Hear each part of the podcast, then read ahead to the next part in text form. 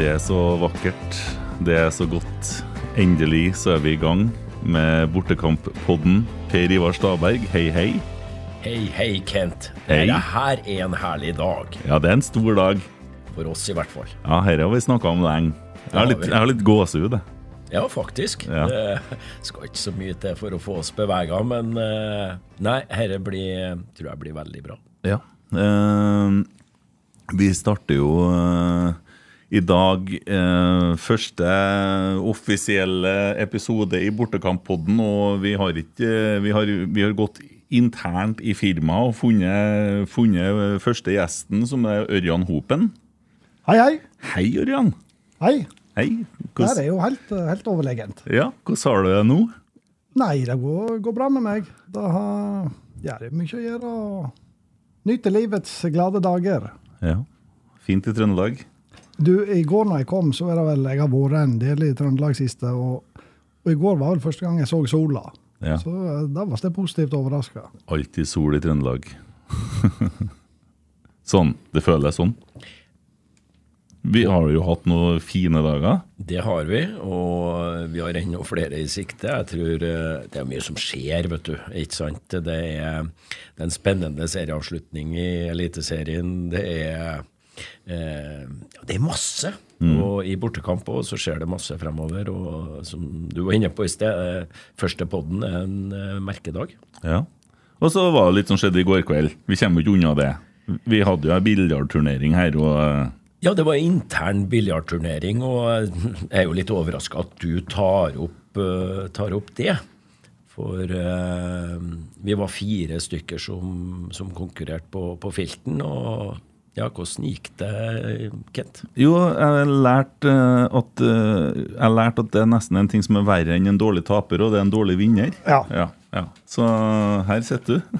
Ja, eh, og da er det jo egentlig Da var resultattavla allerede gitt eh, ut i de tusen hjem. Ja. Så takk for kampen, gutta.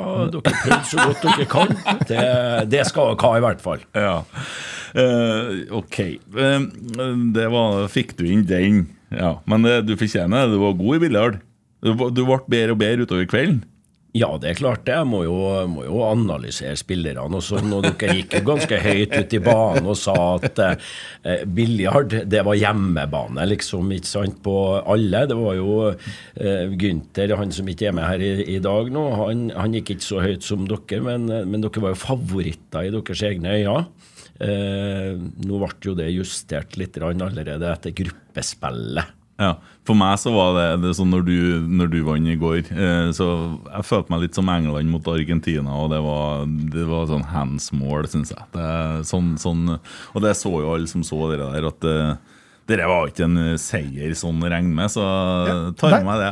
De som spilte på bordet attmed, sa jo da at Stabæk sin taktikk handler først og fremst om å få motstanderen til å gjøre feil. Ja. Så han, han skal jo ha det. Han slo ikke ned svartekula én gang sjøl, men det var det alle andre som gjorde. Men han er fryktelig god på utsyking. Ja, Du fikk veldig stram overlepp etter hvert.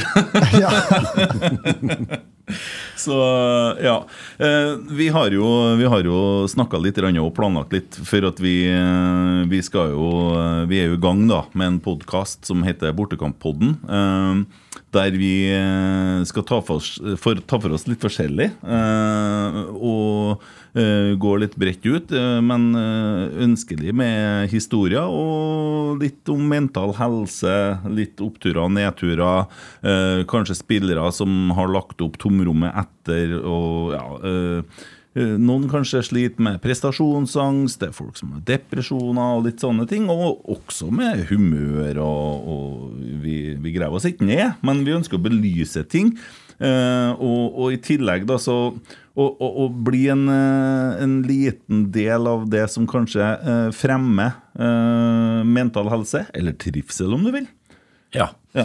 Og klart, idretten er jo ikke spesielt kjent for å snakke om tabubelagte tema som det du er inne på. Og hvis vi kan bidra med å skape litt mer åpenhet i, i første omgang, og kanskje etter hvert tilføre litt kunnskap på For det er klart, våre gjester vil helt sikkert ha den storyen som har brakt dem eh, ned, men så har man løst det, Uh, og man har kommet seg opp igjen.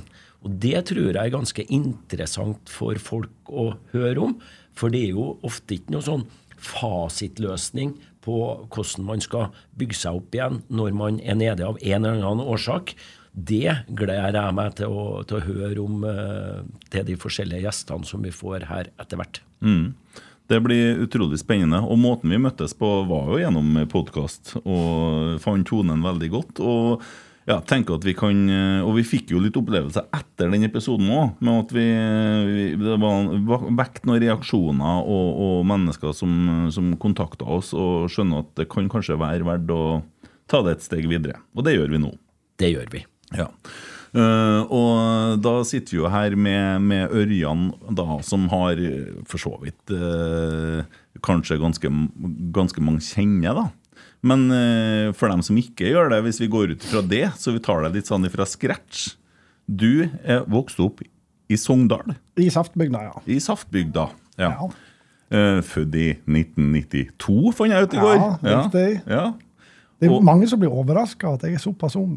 Ja, jeg trodde du var litt eldre, for, men det er jo fordi at det er en stund siden du la opp som spiller. Ja, det er nok. Og så ble jeg jo hva jeg si, kjent ganske tidlig, da når jeg var forholdsvis ung. Ja. Så jeg har vært, vært med ei, ei god stund. Ja. Jo, men uh, hvor gammel var du når du la opp? Da var jeg 25. Ja. Uh, hvis vi skal ta... Eller, altså, Nå spiller jeg jo uh, uten forkleinelse i tredjedivisjon. Ja. Men, men, per def med toppfotball så la jeg opp da jeg var, var 25. Ja, for du har spilt eliteserie? Ja. ja. Sparka som en hest? Ja, det var vel stort sett eneste jeg kunne òg, men det holdt meg et stykke i hvert fall. Ja, det, det holdt jeg nå inn på laget i noen år. Ja, ja, ja, og i all beskjedenhet så har jeg enda til gode å møte en med, med bedre venstrebein. Ja, Per Ivar mener kanskje du har det nå skal vi ikke dra den for langt, altså, for det Jeg har nok tatt de ordene i, i, i min munn og utfordra den, men det har ikke vært uh, heldig for en, uh, for en uh, sliten, gammel fotballdommer. Jeg skal ikke ha sjans, eller, og det, det har ikke jeg så klart mot, mot slegga til Ørjan. Nei, jeg skjønner. men din historie, da. vokser opp i, i Sogndal. videregående og ja, jeg klarte jo å gjennomføre det til slutt òg. Så, ja. Eh, så, nei, jeg vokste opp i Sogndal, og fra sjølve bygda. Ja. Eh, det, det, er jo ei fantastisk bygd, for uh, der har det blitt produsert noe, en del fotballspillere. Det, det, hvert fall som jeg husker, så var det en kommune med 5000 innbyggere. eller noe sånt. Ja, nå har det jo steget litt etter, etter sammenslåingen, men, men det har vel ligget på en sånn ja, 6000-7000 før sammenslåingen. Så det har jo levert sportslige resultat som er langt over hva en, hva en kunne forvente. Ja.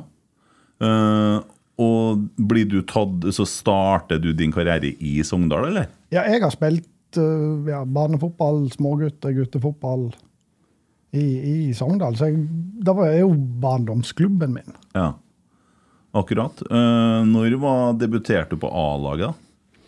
Da debuterte jeg i en, i en cupmatch mot Ålesund. Ja. Når jeg var, jeg tror jeg var 15. jeg. 2007-2008 ja. Så da uh, fikk jeg grise den gangen. Einar Jæger, som spilte høyre, høyre back, og jeg spilte venstrekant. Ja. Er jo, han er jo kjent for hans største kassa i Eliteserien på den tiden. Ja. Så kom jo jeg da, var et par og 70 kilo, og da fløy jeg veggimellom på campusen. Ja. Hvordan endte kampen, da? Nei, vi røyk i, i Jeg lurer på om vi røyk et ekstraomgang. 1-0. Ja, akkurat. Ja, men eh, Og derav og så videre så, så spiller deg inn på laget? Ja, får jo gjennombrudd i 2011 eh, ja. i Tippeligaen. Da eh, er det jo ofte sånn at du må jo ha litt flaks for å komme inn på laget. og Det ble noen skader der. og så plutselig var du, var du, inne, og da leverte jeg varene. Så da ja, var jeg vel god et par-tre måneder, og så gikk det nedover etterpå. Og jeg det? Ja, jeg har pika vel, pika vel høsten 2011. Ja. Og da fikk du ny kontrakt? Da ble det ny kontrakt. Ja. Så uh, hadde jo litt flaks med den, sånn sett. Ja, Og så gikk det ned? Ja, altså, ja, det gjorde jo det. Men, men jeg fikk jo fortsatt fine år på fotballbanen. Ja. Fram til jeg ga jo meg på Det ble jo noe utlån da, til, til Bryne og Nest Sotra før det ble Trøndelagen og Nord-Trøndelag på Levanger i et par sesonger. Ja, men, men, mens du spiller, spiller i Sogndal, eh, hvordan er det da Og du er jo veldig ung. Hvordan var tankene dine da om utdannelse og eventuelt hva du skal gjøre videre etter en fotballkarriere og sånn? Nei, jeg var jo ja, Jeg har jo aldri vært noe spesielt glad i skole. Så, så, eh, tankene var vel å, å, ta seg, som jeg tror flere kjenner seg igjen, et sånt uh, fortjent friår etter videregående. Mm. Så da var noe, de rundt meg i hvert fall veldig bevisst på at det var viktig å få fullført denne videregående. Så kan du heller, heller få ta deg et friår. Men det friåret har jo blitt nå til Jeg går vel inn i 13 året. Ja. så uh, Ja. Eh, vet ikke hva du Nei, jeg kjenner jo Ørjan eh, bedre enn deg. Og, og, det er klart at eh, når vi er inne på det med skolegang og sånn, så vet jeg jo, Ørjan, du har jo sagt at uh, du er jo ikke en type som ser deg så mye tilbake. Men én ting eh, angrer du på? Ja, selvfølgelig. At eh, nå når jeg står her i dag, så skulle jeg jo gjerne gjennomført litt, litt skolegang, men det er jo veldig lett når du, du Det flyter fint på fotballbanen, og du er liksom inni da, da moodet, da. Og så varierer dette der sikkert fra individ til individ, men, men for min del så hadde det i hvert fall vært Hvis jeg kunne ha gjort noe annerledes nå, da, så hadde jeg fortsatt og tatt altså, litt og litt skoler, og heller fordelt det utover de, de åtte åra jeg spilte aktivt. Mm. Men, men når, når, du, når, du, signerer det er tre måneder det går bra, så regner jeg med du øker ganske betraktelig i lønnen, da, eh, For da blir du profesjonell fotballspiller? Ja, da steiger jeg vel med, med 600-700 i lønn. Ja, Og hvor gammel er du da? Da er jeg 19. 19, Og da har du kompiser som eh, ikke spiller fotball, og som jobber på Rema 1000 på kveldstid og sånn? Ja, altså det er jo det vanlige rundt om for folk. At eh, kanskje du tar deg et friår etter, etter, skolen og jobber hele tiden, da. Mm. Men jeg, jeg, ja, jeg var nå ansatt, men jeg spilte jo bare fotball, men tjente likevel gode, gode penger. og og ja, fikk vel ikke erfare arbeidslivet sånn sett på den måten. Selv om jeg, jeg har for så vidt egentlig alltid vært flink å, å jobbe. Starta med første, første um, sommerjobben da jeg var 13-14. Da er jo ingen som vet at jeg har faktisk vært med på å bygge campus. Jeg ser det. I veldig, veldig veldig liten grad, selvfølgelig. Men jeg, har vært på, jeg henger på bildet på campusen med alle arbeiderne. Jeg ser det. Hva jobber du med? Nei, jeg var jo med Faren min jobba i Veidekke. Ja. Så jeg var jo hyra inn der, da. Eller hyra inn der, det var vel mer goodwill fra deres side. Ja. Men jeg får nå støvsugd litt da, etter vi var ferdig med heisen og så videre. Så ja. Ja. ja nei, det skal jeg ha. Så du egentlig skulle ha et sånt bilde av som du ser det arbeiderne i New York som sitter oppå bjelkene her. Sånn, eh, det henger et sånt bilde av deg på campus? Ja. Kanskje ikke akkurat identisk, men det henger i hvert fall et bilde av ja, ja, Det var noen rørleggere, elektrikere og det som verre var. Ja. Herlig. Uh, jo, for det jeg skulle uh, Når jeg spør om det der med, med penger og sånn, altså, når du har den lønna og kompisene uh, sitter med ingenting, ja. blir jo litt big shot, liksom? Jo, altså Big shot og big shot, men du har jo et, et forbruk da, som ikke kan nødvendigvis Altså, siste, Jeg gikk jo siste året på videregående, ja. og da var jo avslutningen den våren før. så da da levde jo folk på stipendet og måtte betale husleie og ditt og datt. Så hadde, de hadde jo ikke mye til overs. Og et par måneder etterpå så har jeg eh, altfor mye penger mellom hendene. Så det er klart at du blir jo litt sånn Tar nå deg råd til, til, forskjellige ting. Selv om jeg ja, hva, hva, for noe? Hva er du råd til? Nei, det er noe forskjellige ting. der. Du bruker litt penger på byen, blant annet. Ja. For å, å spandere litt. og og så var det noe mye som gikk noe på, på, gambling og betaling av lån og ja, litt sånn forskjellig. For selv om jeg tjente såpass bra, så klarte jeg jo fortsatt å gå i minus hver måned. Ja. Tro det eller ei. Ja. Fordi at du spilte gambla? Ja. Hva, Forklar meg gambling. Hvordan gambling? Nei, da var jo Du vet at jeg har en sånn brennende interesse for idrett. Ja. Det være seg eh, kombinert eller skøyter eller championship-fotball eller lokal fotball eller håndball eller Det spiller ingen rolle. Jeg er interessert i alt som har med idrett å gjøre. Mm. Så, så begynte jeg å gamble. Når, da var jeg jo sikkert en, en 12-13 år. Og der er jo litt sånn oppveksten min at når jeg har vært såpass bra i fotballen, så har det gjort at jeg har fått en del eldre kompiser som det kanskje da har ligget litt mer naturlig for å, å tippe. For det er noe, eller ha spilt poker hvis du er en 16-17-18 år. For jeg spilte jo på lag med dem fra jeg var 13-14. Mm. Og Der kommer nok litt av Og det er klart at de har jo et annet si, forhold, til, forhold til inntjening av penger òg. Hvis du har fått deg en, en deltidsjobb når du er 17-18, så tjener du de 7-8-9000, mens jeg som da var 13-14, gjorde jo ikke det, men mm. Ville være med på moroa uansett. Selv om altså moroa, de, de, kunne være med på med pengene. Så da ble, begynte jo egentlig denne sirkelen med å, med å ja, låne litt penger rundt om da, for å få, for å få være med på moroa. Så jeg har ikke vært så jækla flink med økonomi opp igjennom. For jeg er jævlig dårlig på å si nei. da. Mm. Jeg har lyst til å være med der det skjer, på en måte. Jo, men du er jo dritgod med tall. Når ja. Du regner jo fortere enn kalkisk, du.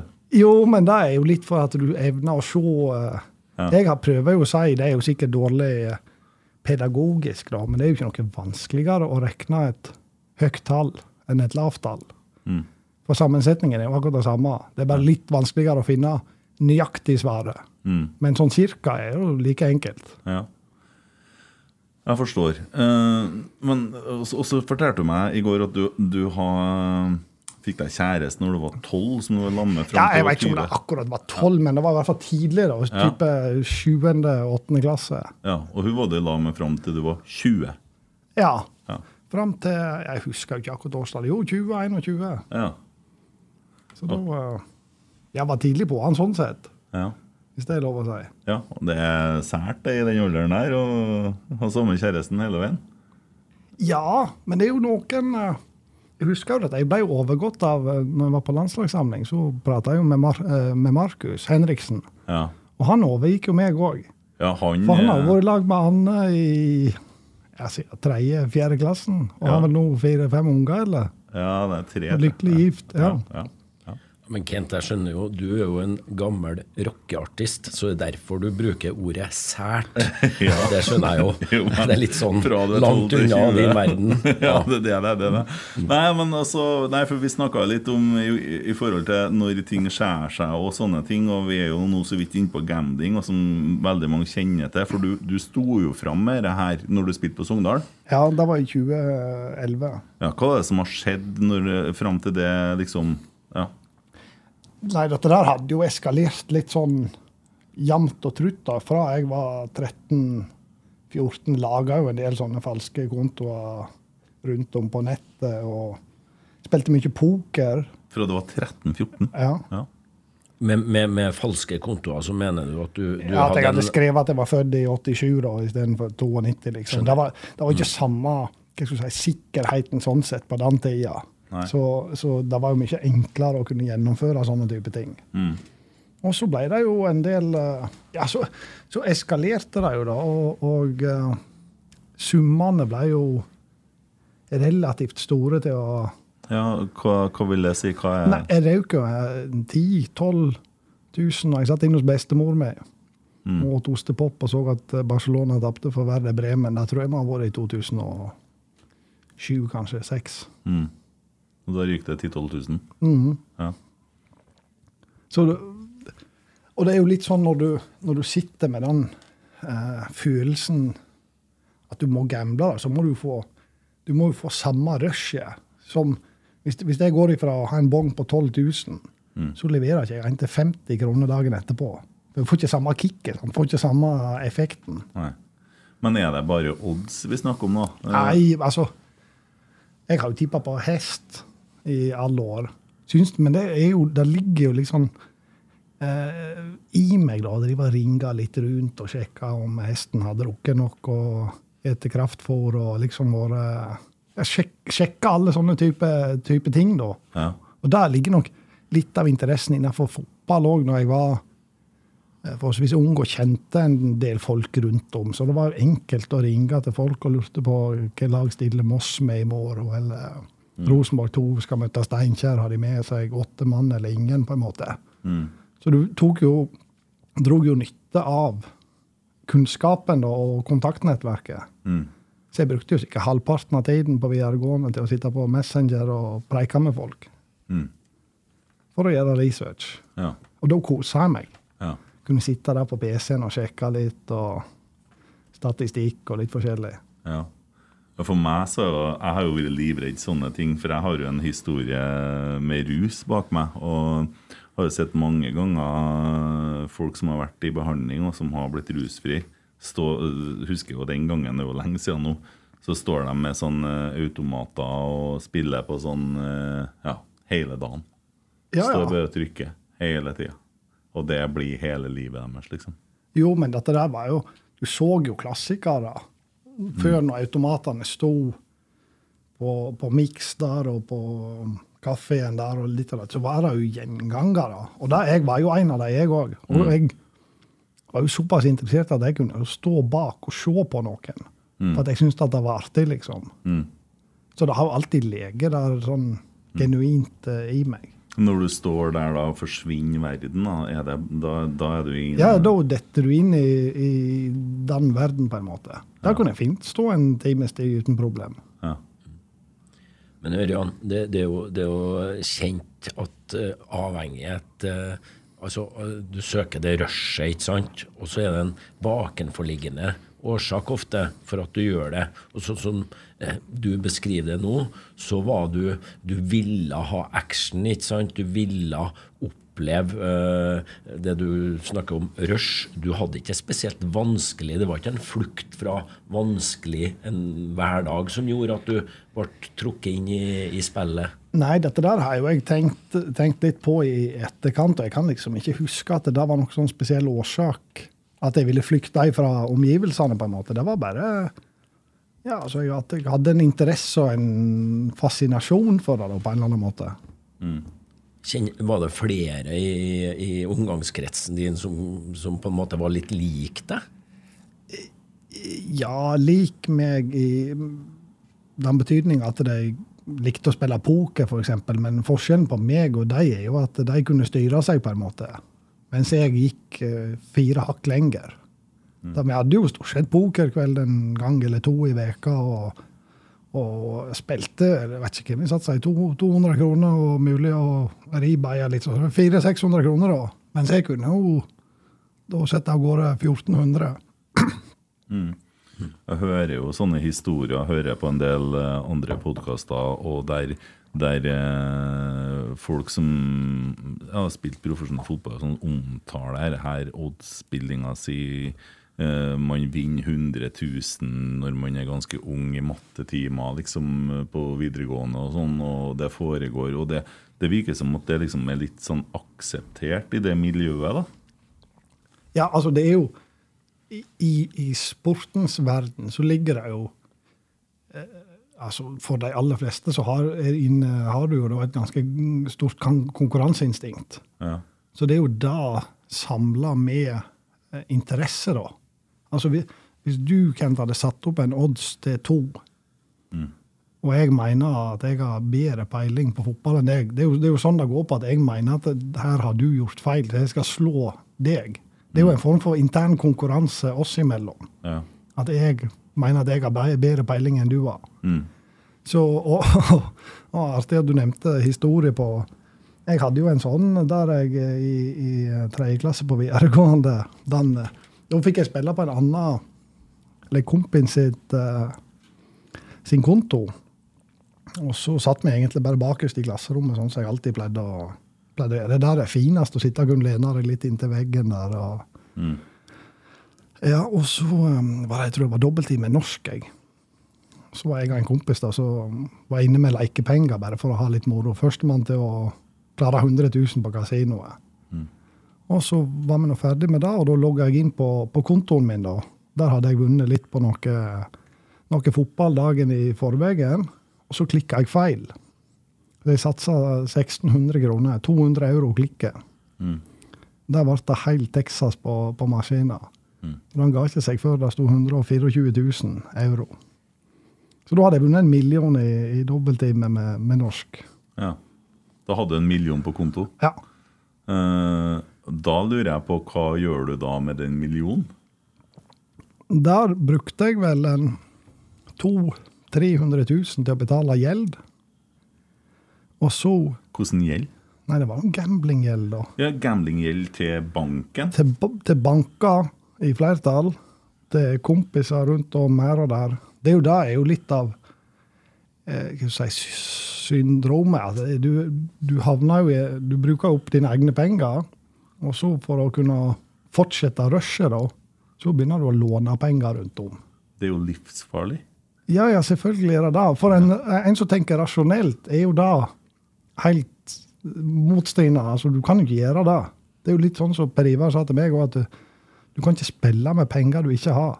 Nei. Nei det, det, men, men, sånn tenker ikke du når du er liksom inni den bobla. Da at uh, da er det på en måte Som, som en, en rusmisbruker, da, det er jo neste skuddet. Mm. Det er liksom det du, du higer etter. Så, og så tapte jeg vel sikkert en 400 500 000. Mm. Så sløsa jeg vekk på alt mulig. Jeg kjøpte vel hele kjøleskapet nede på meieriet. Ja. Jeg fikk nå svidda litt der òg. Men så er det jo sånn at eh, far min var jo ikke så begeistra for dette her. Så jeg kunne liksom ikke komme rullende inn med en, eh, en Audi Q5 heller. Da ville jo han ha stilt eh, Eller sett spørsmålstegn, heter det vel. Ja. Ja, far din, Hvordan forhold har du til mora og faren din? Litt det Per Ivar var innpå i forhold til sånn oppvekst og sånn? da? Nei, da har jeg jo blitt prega av da. Mm. Fordi at, eh, at, eh, jeg har jo villet holdt dette skjult, selvfølgelig. Og da blir det jo noen løgner her og der for å kunne i hvert fall prøve å dekke over for seg sjøl. Så, så klart at da har jeg jo, har jeg jo slitt på tilliten til til de har overfor for meg, som ikke er noe artig for meg å oppleve, som gjør kanskje at jeg reserverer meg litt i forhold til, til de, da. Så det er jo klart da at, Og så er det jo sånn at, at ja, mor mi var vel kanskje den som var mest på meg, da, hvis en kan si det sånn. Og jeg følte vel kanskje at, at ja, framgangsmåten hennes da, på å prøve å eh, tilnærme seg mine utfordringer på, ikke klaffa helt. Og da gjorde det igjen at jeg lukka på en måte skallet, da. Så det er jo, det er jo selvfølgelig en utfordring, fordi at det er jo vanskelig å kunne sette seg inn i det. Som Per Ivar, ja, men du må slutte å spille. Jo, men det funker ikke sånn. Mhm. Det går ikke an å si det. Ja, for Per Ivar sier til deg du må slutte å spille. Ja, du, du kan ikke spille når du ikke har penger. Mm. Og det er jo selvfølgelig helt rett, men, men, det er ikke tilnærmingen en kan ha. da. Til, Nei, for det blir litt som å si til en alkis du må slutte å drikke. Du må ja. slutte med det drikkinga, ja. for du tåler det ikke. Ja. Og det er jo ikke sånn det funker. Nei, men, og, og det kommer jo av at kunnskapen er liten. sant? Ja, fordi at jeg tenker eh, Jeg har jo vært med deg nå i to-tre dager. Ja. Og, og, min tanke er jo at det er jo enklere for en som er rusmisbruker, på én måte, fordi at her har man kommet litt lenger i forhold til det som går på sykdomsbegrep og, og toleranse i samfunnet overfor det her. da. Altså Narkomane får metadon, uh, man, man, får en slags respekt. Det jobbes med det, det meldes ganske hardt. Mens spilleavhengighet der blir Nei, han spillegale fyren fra Sogndal. Nei, han skylder penger over altså, det, Jo, jo, men, men dette, der jo, dette, der er jo, sånn som Hvis du går bort på Rema her borte ja. Så sitter han eh, Kjell på 62 der og drikker utafor. Da, da, tenker jo folk ja, Stakkars han Kjell. altså Nå, nå har han mista huset sitt òg. Han har drukket seg fra huset, eller ungene vil ikke ha noe med han å gjøre nå. Mm. Og så har du han Jakob på 23 som har spilt vekk to millioner. Da er det faen til tosk. Mm. Ser du forskjellen på, på, hvordan folk oppfatter situasjonen? på en måte? Ja. Og da er det klart at da blir det mye skam ja. i forbindelse med, med utfordringene. Når, når, det er såpass tabubelagt, så jeg, da er det tyngre å på en måte gi uttrykk for, for utfordringene sine. Mm. Ja, jeg hadde jo en sånn ting i forhold til uh, når jeg levde det livet, at uh, noen ganger så lånte man faktisk penger til kompiser uh, hvis man skal ha noe å drikke. Men når du da fikk trygda di, da, som det gjerne var, så var regel nummer én du betaler tilbake kompisene, sånn at du er sikker på å ha den muligheten senere igjen. Ja. Det, var, det, var, nummer én.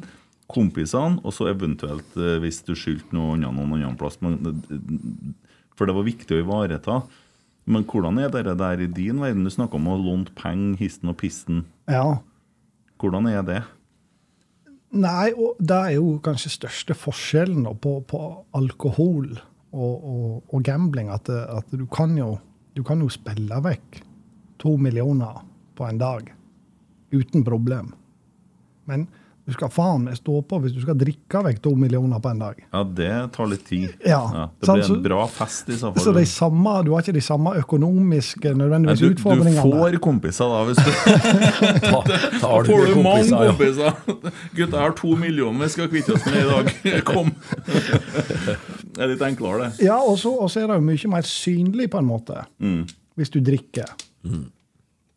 Med mindre du skal selvfølgelig gjøre det hjemme alene, da, men det blir mye mer synlig hvis du er ute i det offentlige. Det er ikke så synlig hvis du har satt en bong til 20 000. Uten det, du kan fortsatt gå på kjøpesenter på en måte uten at folk vet det. Mm.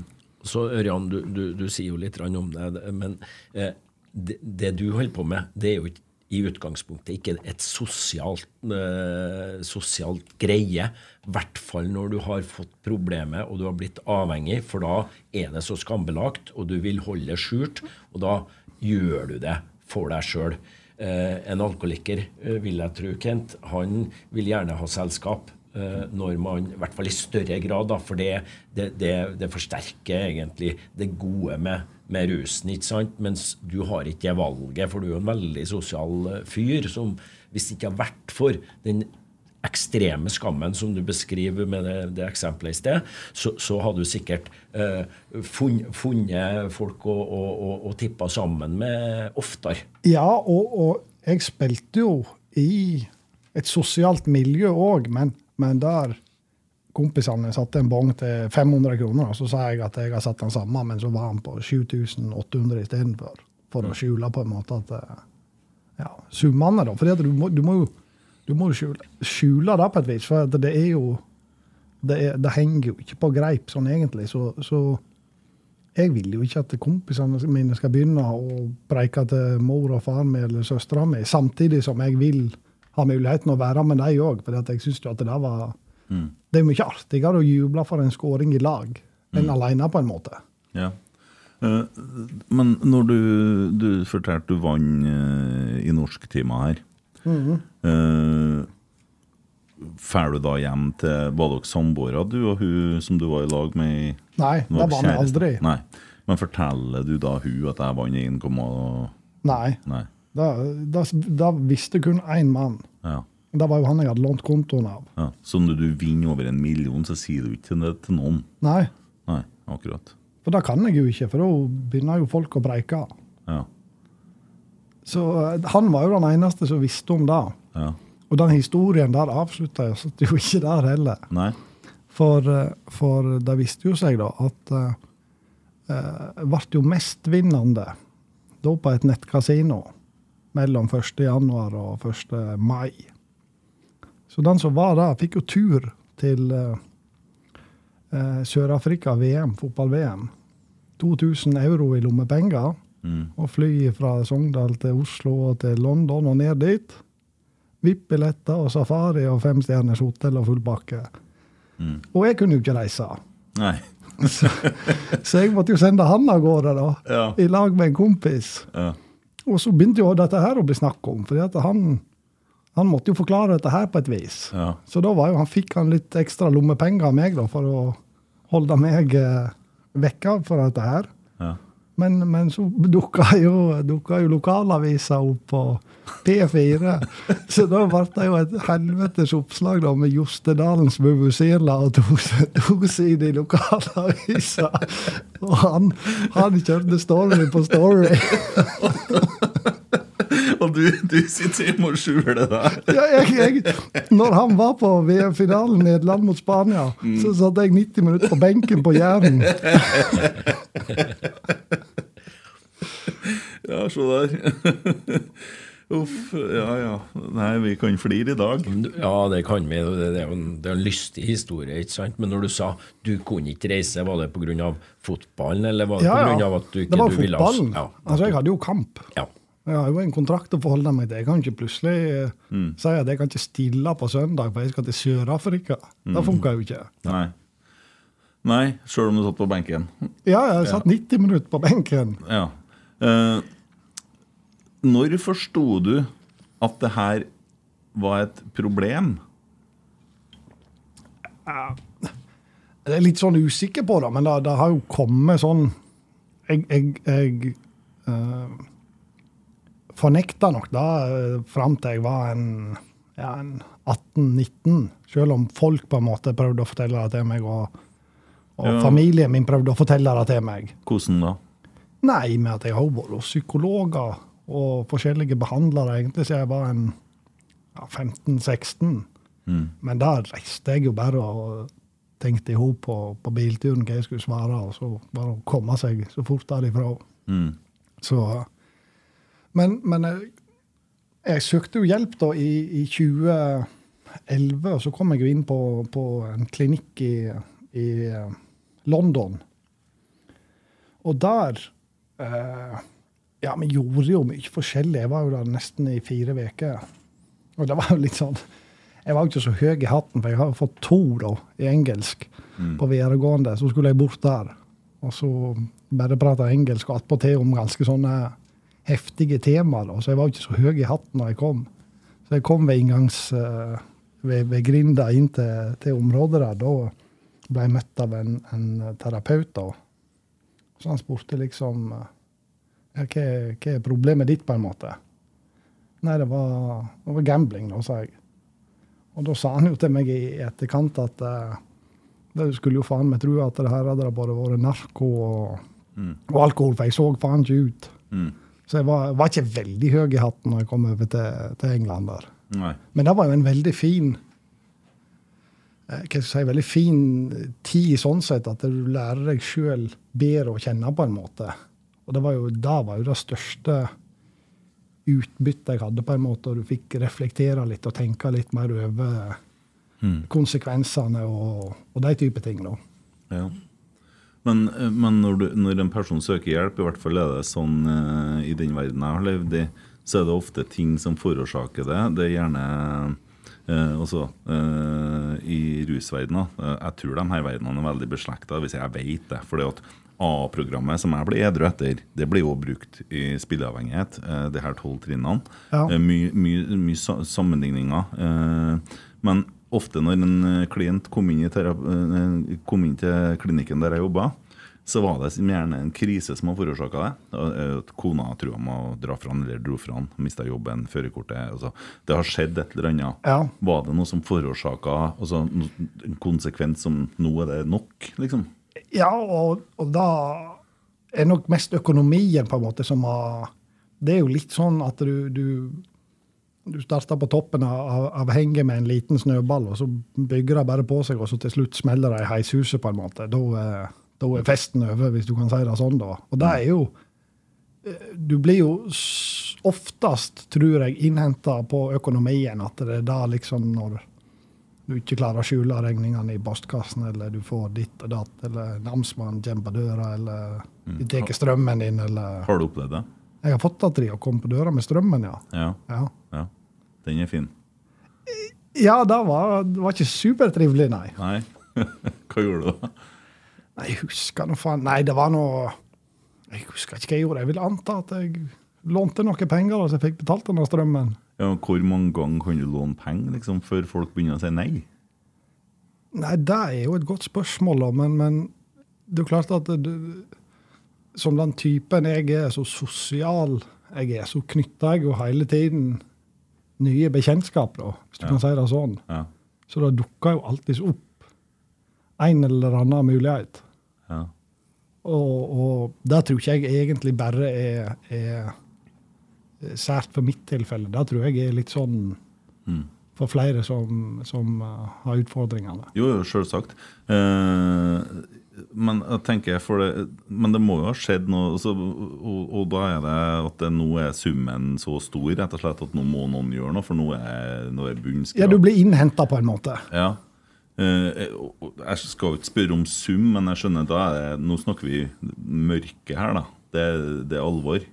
Ja, ja, da er det jo alvor. Og det har jo gått så langt at jeg har jo fått, uh, fått trussel av Hells Angels. Ja. Og det var jo mens jeg var aktiv. og Det, det var jo høsten 2011. Ja. Og da er ikke du så høy i hatten heller. Nei. Når du enten så gir du opp innen uh, fredag, eller så kommer jeg og tar det på andre måter. Ja, hva gjør du da? Nei, Da må du roe pulsen først. Ja. Og så begynner jo da For, for meg, da, det var jo en av årsakene til at det på en måte bobla litt. For jeg var på vei hjem igjen fra en, fra en Fifa-turnering og hadde fått denne telefonen rett før jeg kom inn døra til, til han kompisen. Så jeg prøvde jo på en måte å skjule det gjennom kvelden, og så brøt jeg vel litt sammen på vei hjem. Ja. Og tilfeldigvis så ble jeg plukka opp av Eirik Bakke, helt ut av intet, på vei opp igjen. Ja. Og så ble han stående og prate, og så så han jo at her var det et eller annet som ikke, ikke stemte. Og så la jeg vel egentlig korta på bordet. Hvordan ble du møtt da? Nei, faktisk veldig jeg skal si, positivt overraska, da. Ja. Fordi at det er sånn som Eirik han er jo en Danninga seks-mann. Han vil jo gjøre det han kunne for å, for å hjelpe. og Samme, samme med klubben og, og, og familien min òg. Så, så det gikk sånn.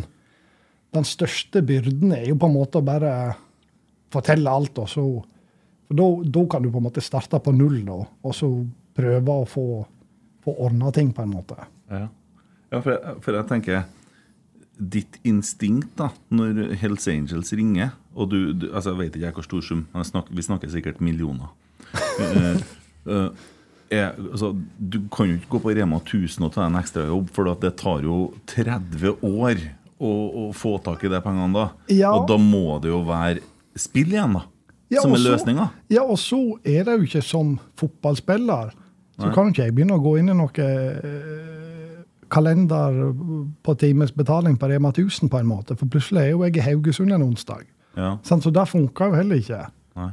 Så, så løsningen den gangen ble jo at jeg fikk jo hjelp til å ta et lån da, og få, få, få mye av de forstyrrelsene da, er at du har du har sju lån der, og så har du fire saker hos uh, inkasso og namsmann, og så får du meldinger i hytt og gevær, og så ringer det på telefonen, og så er det brev i postkassen, og så blir du liksom aldri kvitt det, i hermetegn. Du, når, når, du får det over i én bank, så har du én å forholde deg til, på en måte, og det er ikke noen som mm. Så du, du, du, du, kommer billigere fra det, i hermetegn, mm.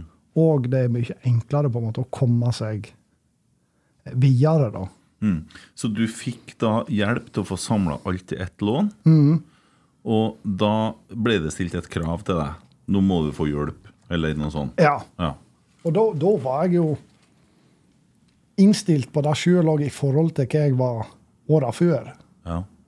Så, og da er det klart at når du da er innstilt på det sjøl, så funker det jo.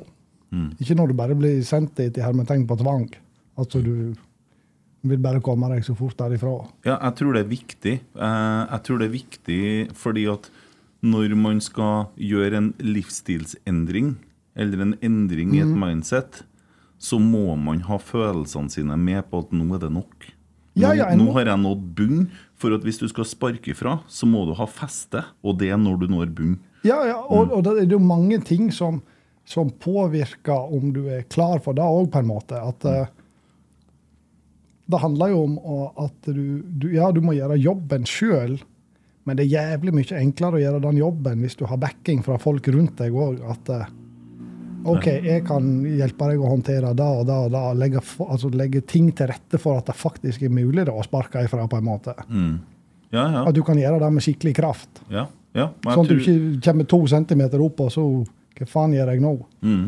Jo, jeg, og jeg nevner det fordi at jeg, jeg fremsnakke det å treffe bunn.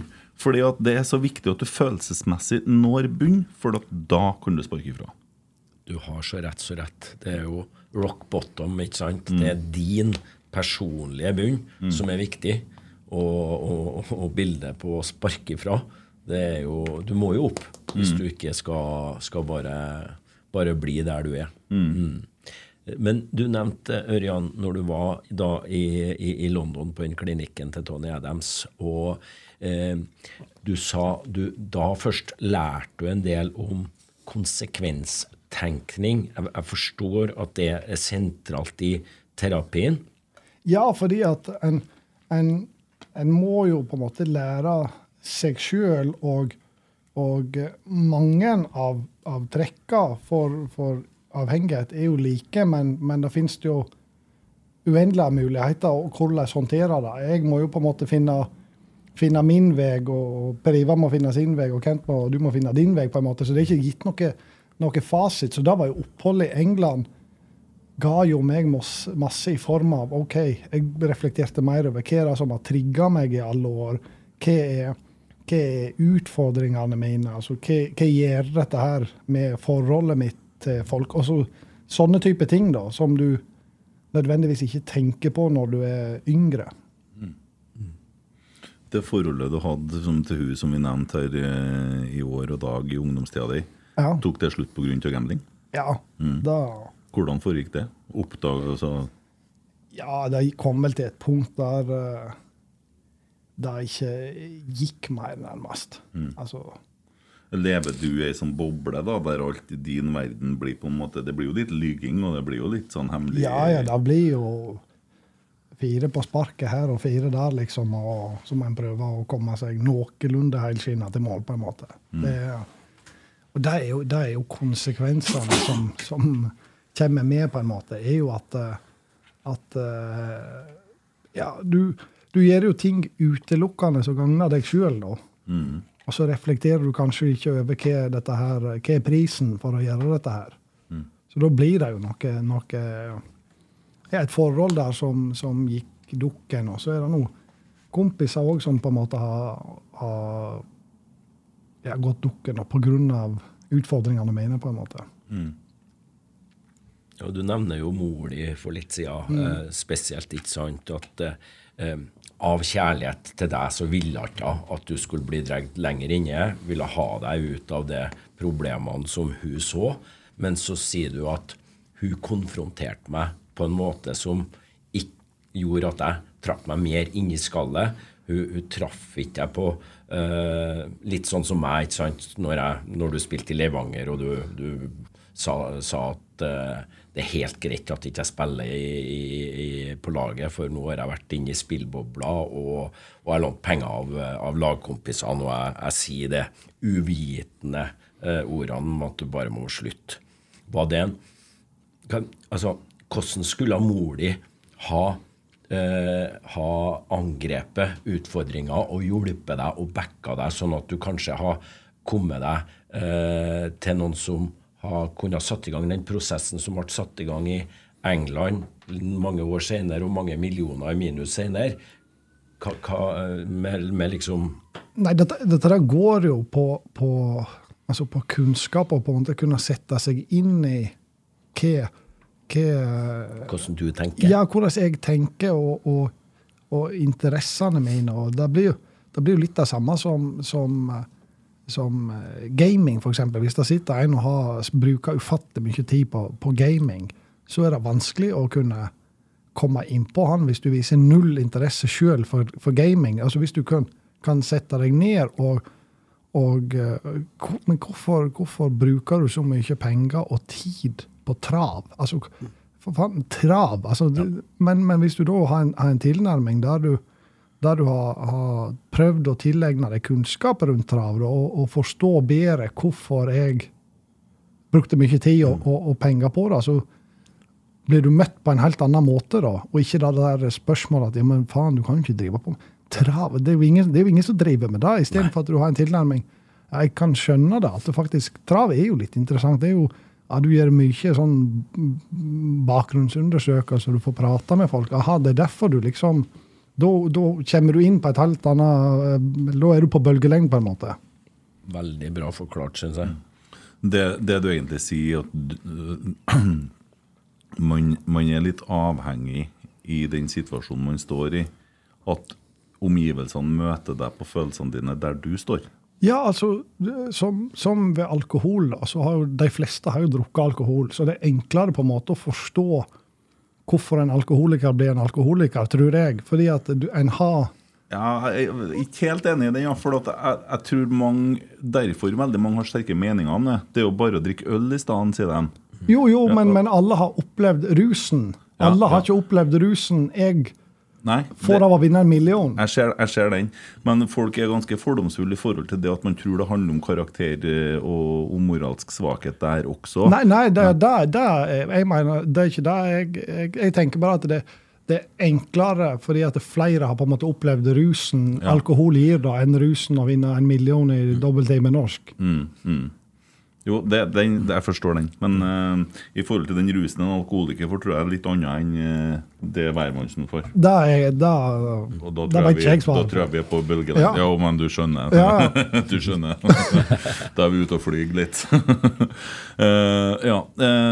per Ivar snakka om Levanger. Ja. Du, du, gikk fra Sogndal til Var det Skeid? Nei, først, først var jeg utlånt. Først til Bryne. Ja.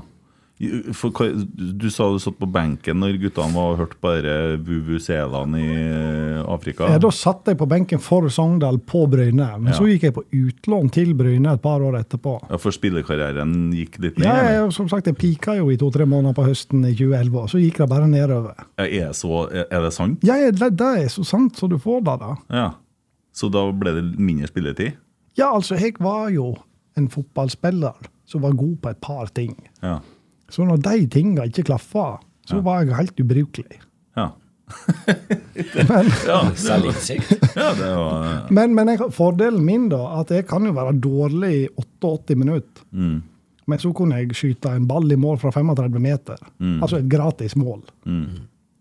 For det er ikke det alle som kan. Nei, nei det hadde jo spilt på landslaget på 90-tallet, så hadde du hatt bruk for foten din på pasninger. Ja, altså det er jo spiss, spisskvaliteter, da. Ja, ja, ja. Godfoten, som vi sier i Trøndelag. Ja. Men eh, også til Bryne. Ja. Mm. Og der var, der var, jeg jo Er det utelukka sportslig her nå? Ja, mm. altså jeg gjorde jo en dårlig figur på Bryne, for jeg var ikke helt, uh, helt påskrudd sånn mentalt. Og det var òg tøft for meg å bare sitte i en sånn sokkelleilighet nede på Bryne og bare regna og blåste sidelengs hele tiden. Og det var liksom ikke ja, Men de har fine steinmurer overalt. Ja, det, det, så, jeg Derfor de har bygd sånne steingreier. Det har ikke jeg uh... ja, Hele Sandnes og Bryne er jo sånn stein... Det er som å komme i Danmark. Du, satt, du, var for ung til å sette pris på det. Ja, ja, ja det, er, det, er, mulig. Men jeg satt i hvert fall Enten så var jeg jeg på trening, eller så satt jeg nå inne i den der uh, mm. sokkelleiligheten, stort sett. Ja, Men, uh, men nå har du vært i England. Mm. Du har vært i behandling. Mm. Du har også stått frem i ja. norsk media, ja. og da ble det kok. Da ble det kok, ja. ja. Hvordan var det? Det var jo Der og da så gjorde det meg ikke noe sånn for det, det, krever litt baller, altså, som vi sier i Trøndelag. Ja, for, at, jo, for at du, du, blir jo ansiktet, du. Det er jo førsten som jeg kan huske som har stått frem som spilleavhengig. Bruker konsekvent ikke ordet 'spillegal' her, da, for det syns jeg er en uting. Nei, og, og, at jeg gjorde det eh, Reflekterte jeg ikke så jævlig mye over den gangen. Jeg så egentlig ikke noen sånn utfordringer med det. Jeg fikk utelukkende god og positiv respons òg. Mm. Så, så det kosta meg egentlig ikke så mye. Det var ikke noe Nei. problem sånn. Men det ble litt kjør? Ja, det ble bra kok, ja. ja. Da, jeg tror jeg våkna Jeg sov ikke så jævlig godt natta før, så jeg våkna litt ja, om en ti over halv elleve sikkert, når jeg, når jeg sto opp der. Og, og, og eh, da hadde jeg vel jeg vet ikke hvor mange ubesvarte anropermeldinger på telefonen min, men vi er oppe i hundretallet, ja. ja. Så folk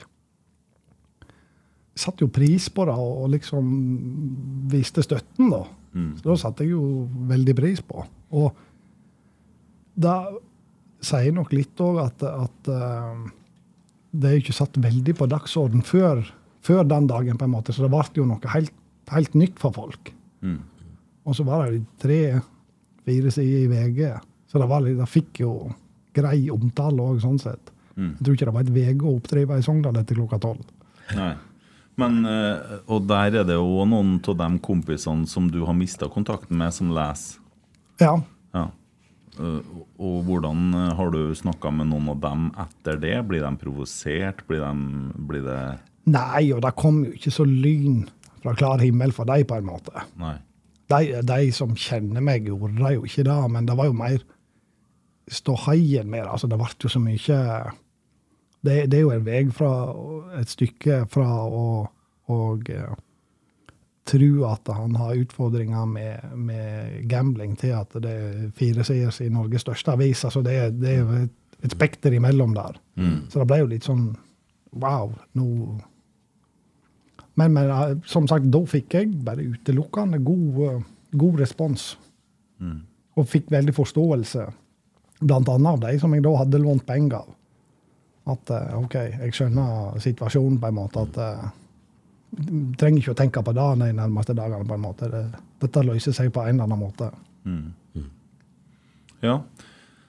Uh, og hvordan går det etter du har vært og fått hjelp? da? Blir, er, er, man da frisk? Nei, for jeg har jo gått på smella etter den gang. Mm. Så det er jo derfor jeg sier det, at, at uh, det har jo vært en sånn prosess liksom, for å finne ut hva som passer for, for meg, på en måte. Og den største utfordringen jeg har, er jo den genuine interessen for alt. Fordi at eh, når jeg i etterkant da så på fotballkamper, så, så går det jo i hodet mitt hva jeg hadde, hva hadde tippa på her. Hva, nå ser jeg på kampbildet at sånn og sånn og sånn. Så det ligger jo litt sånn latent i meg da, pga. interessen og, og, og fascinasjonen for, for, idrett. Så jeg vil alltid gjøre meg opp en, opp en mening. Så jeg gikk jo på en, på en smell igjen i, i, etterkant. Og da hadde jeg vel holdt meg et jeg vet ikke, halvannet år, kanskje, helt, mm. helt clean. da. Men da, da bygger det jo bare opp en sånn Ja, til slutt så, så sprekker det på en måte. At uh, ja, jeg, jeg, fikk ikke noe utløp da, for de tinga som jeg var så interessert i. Og, ja, både, både rushet, men både å gjøre forarbeid òg. Sette seg der lørdagen klokka 11 og ta seg en kopp kaffe og ringe litt rundt. Og, jeg syntes det var jævlig artig, på en måte. Mm. Og sosialt, ikke minst da. da. Fikk nå sjekka litt hva det sto til rundt om.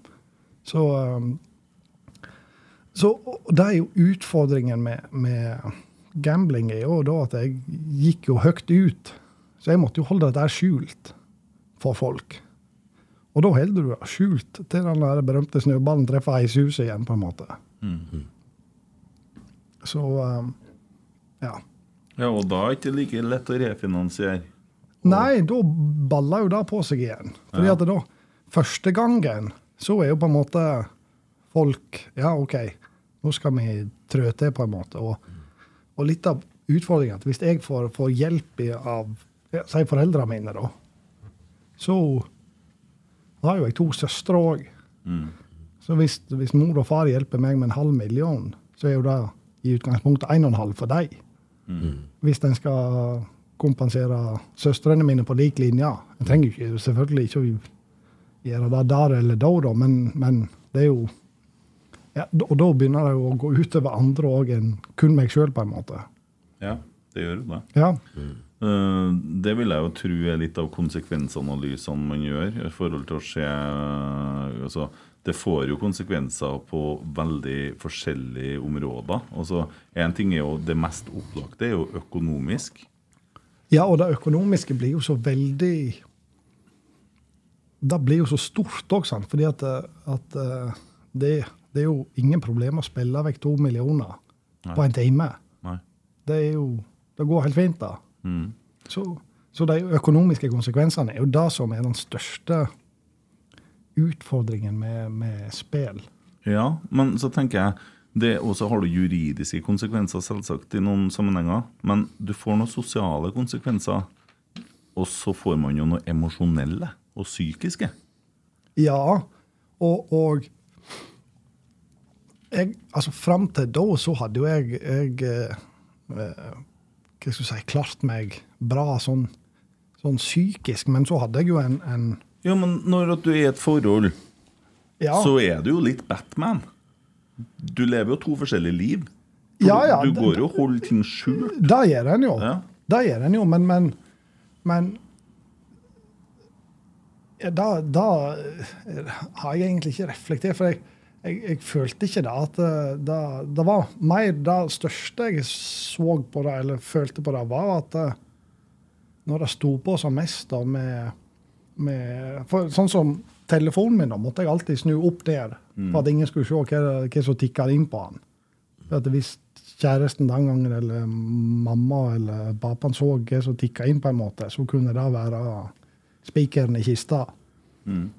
Så, men når jeg kom på fotballbanen det var jo det, det, som var helt merkelig, var at når jeg kom på fotballbanen, så fikk jeg fri. Det var de to timene i døgnet jeg fikk fri, på en måte. For da var det ingen, ingen som spurte meg om å få tilbake pengene sine, eller ingen som ringte, eller trengte ikke å bekymre for telefon, eller ingen sånne type ting. Så til sjuende og sist så har nok eh, gamblingen gjort at jeg ikke fikk ut makspotensialet mitt. Men i to-tre måneder så gjorde det òg at jeg ga faen i konsekvensene på fotballbanen og, og, bare ga gass på en måte og lykkes med det. Mm. Så det er jo litt sånn fascinerende å, å tenke på. Mm. Mm. Men det er klart at, at utvikling i, i, sport og i fotball da, eh, handler så mye mer om akkurat de to timene på felt eller når kampen pågikk. ikke sant? Eh, for hvis du brukte all energi på å skjule misbruket ditt, på å holde kreditorer i sjakk osv., så, videre, så det er ikke den beste oppladninga til å, å, få utvikling over tid. Selvfølgelig ikke. og Det er jo, det er jo derfor jeg sier òg at, at, konsekvensen med, med, gamblingen min har nok gjort at jeg ikke har fått ut potensialet mitt totalt sett. Mm.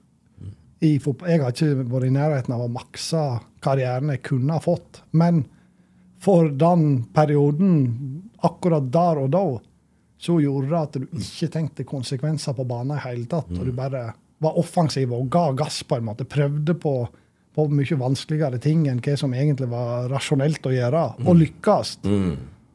Derav ble det på en måte sånn det ble. Sånn, sånn nothing to lose-mood? ja. Mm. Mm. Ja. Uh, og så følger fru Bryne til Levanger, og der oppstår det en situasjon etter hvert.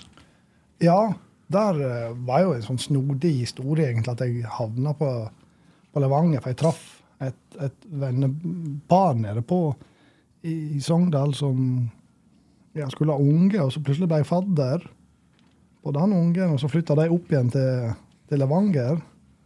Og så rykte jo Levanger opp fra Post Nord, jeg vet ikke om det heter det den gangen, men i hvert fall opp til, til den gangens Obos. Og så uh, jeg fikk jeg et tilbud derifra og tenkte ja, hvorfor ikke? Så reiste jeg til, til Levanger og var inne i Da bodde jeg jo i, i leiligheten deres. Så det var jo egentlig Jeg kosa meg på Levanger. Jeg synes det var helt nydelig. Begynte å jobbe på, på Toyotaen der og som bilklarerer Og mm. ja, vaska litt bil og Og eh, ja, det, det var totalt sett en fin tid på, på Levanger, men da ja, da var jeg jo kanskje ikke så bevisst på den, på den Sånn så klart, når jeg, var, når jeg bodde hjemme i Sogndal, så bodde jeg jo med mor eller far min og hadde kompiser. Jeg gikk på skole. Jeg brukte liksom hele døgnet på, på å gjøre et eller annet. Mens da ble jeg sittende litt eh, i for stor grad alene, på en måte. Sånn at du satt litt for mye kanskje med egne tanker og, og og den type ting. Og så Så da begynte jeg jo alt å, å gamble. Og så ja, baller nå da Men når du da begynner med det, altså, mm. hva er det som liksom leder så i forhold til som, som vil, En alkoholiker, som sier. Mm. Han har jo tørre perioder. Ja. Og man er jo edru når man begynner å drikke. Man er jo edru, den, altså promillefri. Ja, ja. Og så Likevel så har han satt seg selv i en situasjon hvor han fortjener å drikke. Og så når man begynner på igjen, da, så har han lov til det. Og så Man fortjener det til og med. Jo, men det kan nok være ganske sånn sammenlignbart sånn sett at, eh, at du, du kanskje Ja, ja, jeg kan nå Jeg har nå råd for eksempel å satse 2000, og da har nå jeg skal jeg kose meg, liksom. Og så eskalerer dette der bare sånn jevnt og trutt og tru. Mm. Plutselig på en måte at det blir daglig, og det er det du gjør eh, når du ikke er på, på trening eller på jobb. Mm. Og så skar det seg litt. Ja, og da, er du inne i den ballen igjen med å låne penger. Da har jo jeg kommet til en ny plass. Mm. Sant? Og stifta nye bekjentskap, og, som vi prata om litt tidligere. Og da ja, var det noen muligheter for å få hva skal jeg si, ny eh, kredibilitet da, på, på finansene. Så ja, det var da jeg kom i kontakt med, med Per Ivar òg. Han har jo dømt meg et par, par matcher. og Han har jo alltid vært glad i å tatt en øl etter, etter kamp. og litt sånn, Så vi har jo truffes, men egentlig da, da en stifta litt sånn bekjentskap. Mm. Jeg merker at det er litt sårt, for at det er da en kamp han reagerer på at du ikke spiller. Ja. Jeg tror han husker det bedre enn Jeg gjør det, enn jeg gjør det. Mm. Ja, for eh, jeg husker jeg var, jeg var liksom Jeg snakka med noen kompiser.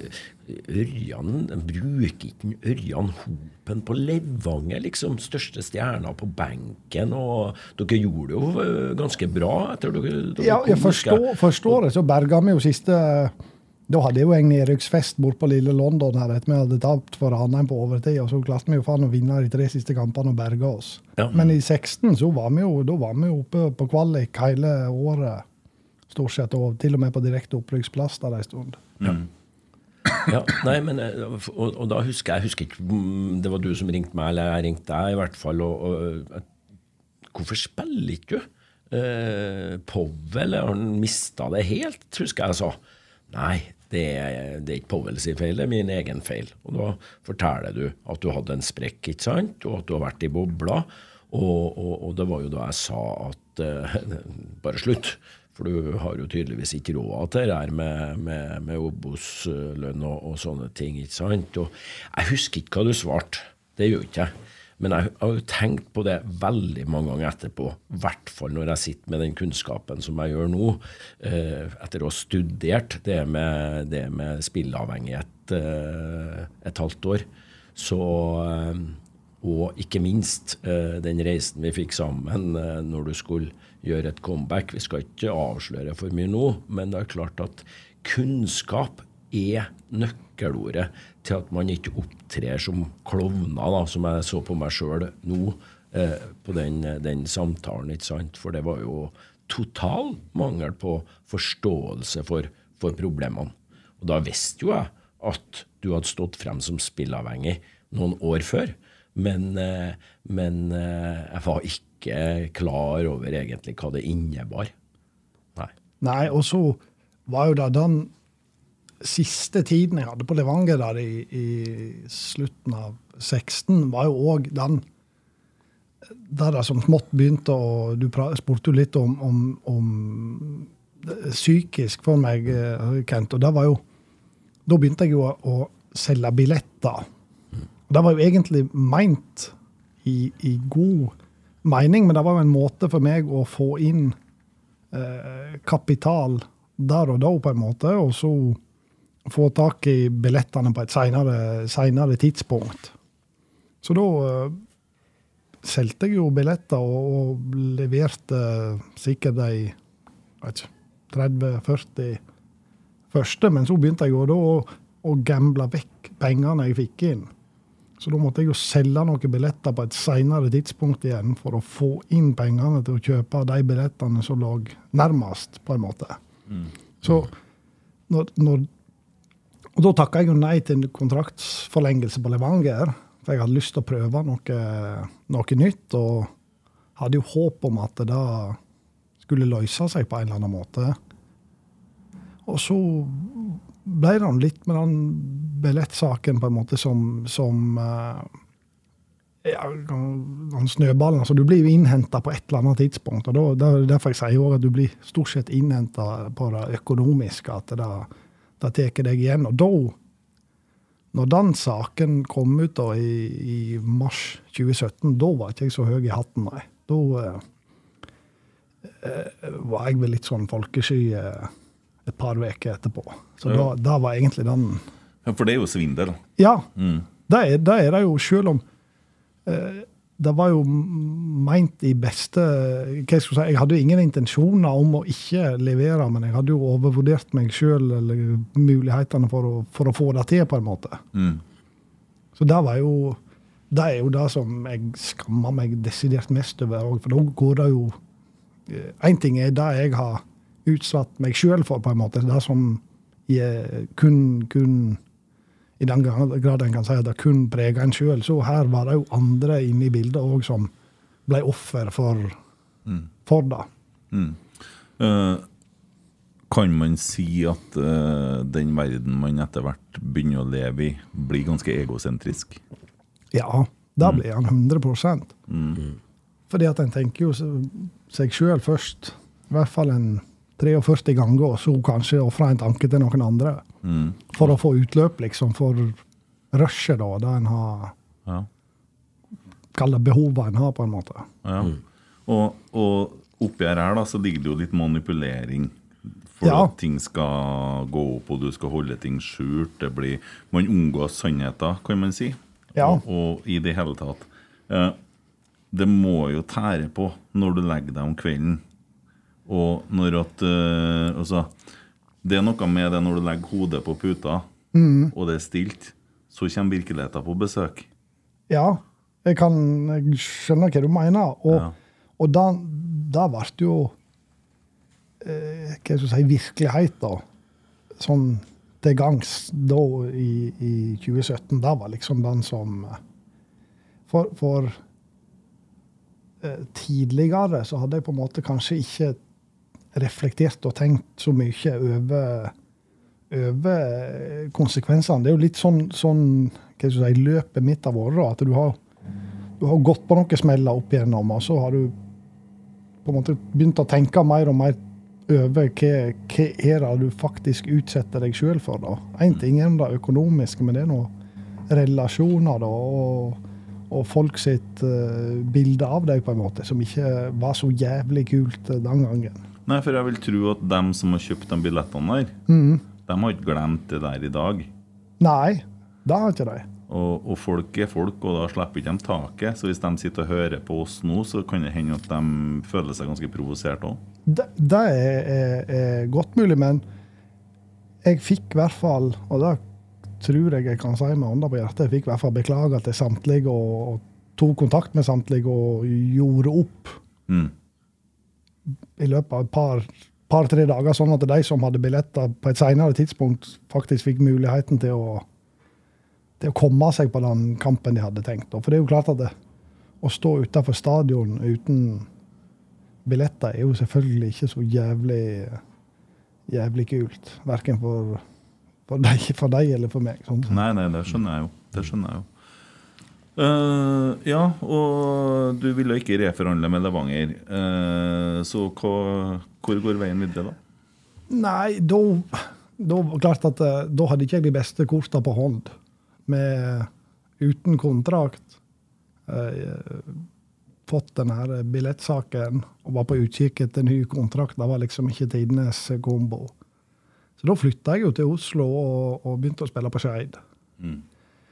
Men ja, sånn sett i etterkant så var jo det kanskje litt sånn mer for å jeg vet da faen, jeg lurer meg sjøl til, til, å tro at dette kan gå, for jeg kjente sjøl på motivasjonen at den, den var ikke der til å liksom prøve å, å, å reste på trening fordi at jeg hadde noe oppmøteplikt. Men det var liksom ikke noe mer enn det heller. Så når jeg kom ut på ut i uh, på høstsesongen, da, så sa jeg bare rett og slett at nå, nå tror jeg bare får si stopp. Og mm. legger jeg opp der, mm. Ja. Det, det, er litt trist. Da er du 25. Ja. ja. Jeg tenker på uh, Det er jo mange som drømmer om å bli toppidrettsutøver, og fotballspiller spesielt. da. Uh, det er veldig få som blir det. Uh, jeg hadde tallene der, faktisk.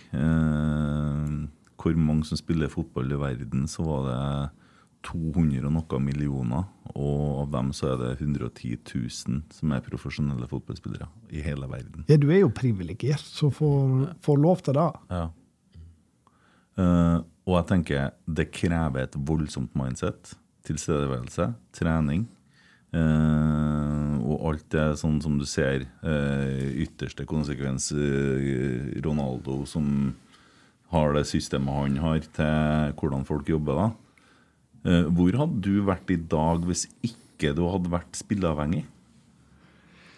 Det er jo umulig å svare på, da. fordi at uh, ja, Hvis du har hatt samme dedikasjon til trening som du har til spilling? Ja. Jo, jo ja. den skjønner jeg, men, men det en òg må ta med i det regnestykket der, er jo at uh, den personen jeg er i dag, som har gjort at uh, jeg er spilleavhengig, har òg gjort, ja, ja. gjort meg bra sånn tar, på, på fotballbanen, på en måte. Hvis vi tar gambling ut av ligninga, da, og den ikke eksisterer, og alt, alt energien altså, Du snakker om alle timene du bruker før uh, du skal sette en odds, ja.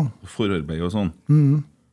Kunne man ikke ha gjort det på motstander, på trening, på å utvikle seg sjøl? Jo, jeg, jeg hadde, altså, forstå meg, jeg hadde selvfølgelig vært bedre, men, men mange av de styrkene mine inkluderer jo på mange måter at, eh, at det ligger jo liksom i interessen rundt gambling òg. Mm. At eh, personlig, på personlighetstrekk, da, på en måte. Og jeg, jeg, forstår det, og jeg forstår uh, det ressursen som ligger bak. For det som jeg sier sjøl òg, når folk snakker til meg om viljestyrke og karakterbrist og dårlig moral, så sier jeg at det er jo ikke det. Altså, det her er en sykdom, og nå snakker jeg om rus. da Sett ja. meg på månen, gi meg en stein og to fyrstikker, så skal jeg finne en måte å ruse meg på. Ja, jo, jo.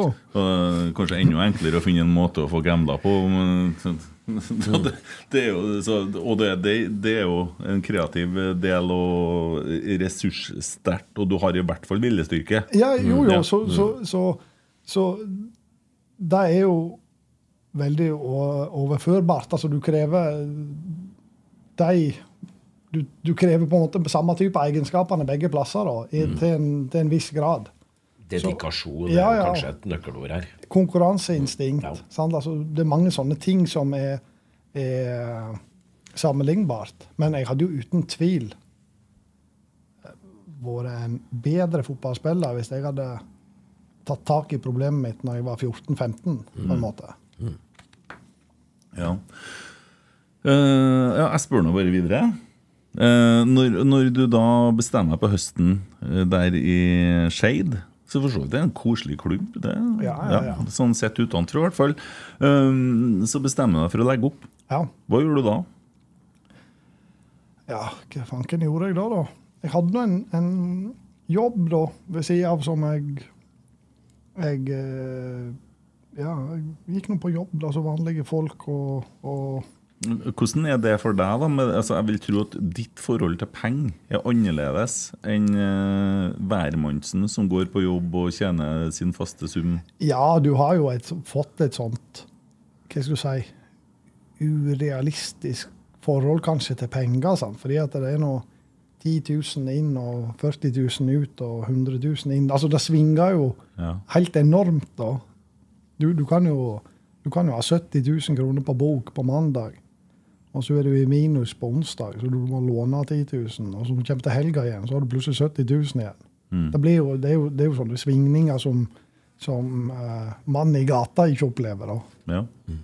Så, så, det blir jo veldig sånn Ja, Hvordan er det da for deg å gå en plass og jobbe og få noen hundrelapper i timen? Liksom? Det må jo være helt rart? Ja, men samtidig, hvis du skulle få muligheten til å få 100 000 på to timer, da, ja gjennom spillingen så måtte du ha noe i bånn for å få muligheten, på en måte. Du måtte ha noe å satse. Så, men, men det, det, ironiske er jo at du setter jo, du setter jo 50 eh, 000 på en kupong, men så kjøper du First Price kjøttdeig for å spare. Mm. Sånn, det, det, det, det, hører jo ikke hjemme noe slags plass. Nei, ikke sant. Mm. Og faen snakk om det er dyrt for parkering, og nå har prisen på smågodt gått opp. Altså, ja. og så har du 100 000 i spill samme helga. Så, ja. så uh, ja, nei, jeg husker jo den, den, perioden rett etter at du la skoen på hylla. ikke sant? Og du hadde jo den, den jobben, eh, og, men, men, det var jo ikke nok, som Kent er inne på. Og jeg vet jo du spurte jo meg om, om, om jeg hadde eh, noe jobb som kunne, kunne, være et godt tilskudd, eller eventuelt bedre enn det du hadde. Og det hadde ikke jeg på det tidspunktet, husker jeg. Eh, og jeg husker jo hva jeg svarte videre òg, og det var jo at jeg syns jo, og mange med meg, eh, at å legge opp når du er 25 år Du har ikke den utdannelsen som vi har snakka om. Eh, du hadde egentlig ikke så mye å gå til. Så jeg sa at eh, da hadde jeg innsett at du var syk, at du hadde en sykdom. Eh, du må på et eller annet viset bli frisk. Da tror jeg vi kan snakkes. Og hvis da er motivasjonen din er å komme tilbake på fotballbanen, så skal jeg prøve å hjelpe deg med det. Det husker du? Ja. Mm. Og, og, dette her var jo eh, ja, i, i, slutten av 17, starten av 18, og det var da jeg begynte å, å skrive litt mm. eh, på, på, på foredraget òg, og det var egentlig jæklig fin, fin prosess for meg sjøl òg, for da fikk jeg en, reflektert enda mer. Så jeg satt jo, satt jo og skrev en tre-fire netter og, og, reflekterte over de siste ti-tolv åra, på en måte. Som da var jo òg en veldig fin i uh, en fin inngang da, på, på prosessen med, med, med bortekamp, da, og prøve å komme seg på, til, tilbake. For da da etablerte vi jo forsøket på, på, å gjøre comeback i midten av 2018, vel. Mm. Mm. Og, og, så blir, har jeg alltid blitt trigga òg av press. Mm. Det er jo litt sånn Hvis jeg skulle spille på Lerkendal, så var jeg mye bedre enn første runde i cupen mot Årdal. Mm. Da kunne jeg være dritdårlig, men mm. faen, når det var litt folk på tribunen, og du kunne hysje litt og var litt kok, da elska jeg. Har du spilt på Lerkendal? Ja. Hvordan gikk det? Nei, Jeg tror faen jeg aldri har tapt på Lerkendal. Jeg har spilt der to eller tre ganger. Å oh, ja, det var de kampene, jeg husker men, men Ørjan, eh, når du, når du nå nevner bortekamp og, og, og, det med foredrag og sånn som du begynte på eh, i, i, der eh, Jeg husker jo du ringte meg du i april-mai, og da hadde du vært helt spillefri i fire-fem måneder. Mm. Og jeg hørte jo at du hadde begynt å ta opp uh, fotballkarrieren igjen. Dog på et lavt, uh, lavere nivå. Ja, i tredjedivisjon. Ja, eller fjerde divisjon. Fjerde divisjon var mm. Fuvo da. Og, og, og, du var litt sånn på gang igjen, og, og, det var ikke så mørkt som det var på den ja, for Jeg, jeg savna jo litt det sosiale aspektet ved å spille ja, ja, på et fotballag. sant? Og så passa det fint for meg da at forventningene ikke var all verden. Du kunne hoppe av ei trening hvis du på en måte fant ut at uh, nei, nå, ja. i dag står jeg over, jeg orker ikke å komme meg fra Oslo og mm. ut til Oppbakke. Det var litt sånn annen forventning da. Mm. Men da bestemte vi oss. Uh, du var villig til å komme til Trøndelag og uh, ta en Ørjan-dugnad. Eh, brette opp armene, se om det var mulig å komme tilbake etter det avbrekket du har hatt. Uh, ja, hvordan opplevde du den tida du kom opp på sommeren, som du sa? Og så, og så ble det jo noen måneder sammen med meg og, og noen andre. Ja, og da var jeg jo jævlig motivert igjen. Fordi at jeg så egentlig for meg at, eh, at folk tenkte at han her eh, Ørjan Hoper han er, han er ferdig nå. Han, det, det går ikke lenger. Og det, det mm. trigga meg. da. de sier vel da at du bør ha den indre motivasjonen, men her for meg akkurat ved det tilfellet så var jo den ytre motivasjonen på en måte min motivasjon mm. i større grad. Og da trente jeg jo, jeg aldri trent så bra som jeg gjorde på den tiden. aldri hatt hadde jeg, hadde jeg, det jeg gjorde fra sommeren 18 til, til nyttår, mm. 19, hadde jeg vært like dedikert tidligere i karrieren min, så hadde jeg fått antageligvis en helt, helt uh, annen karriere.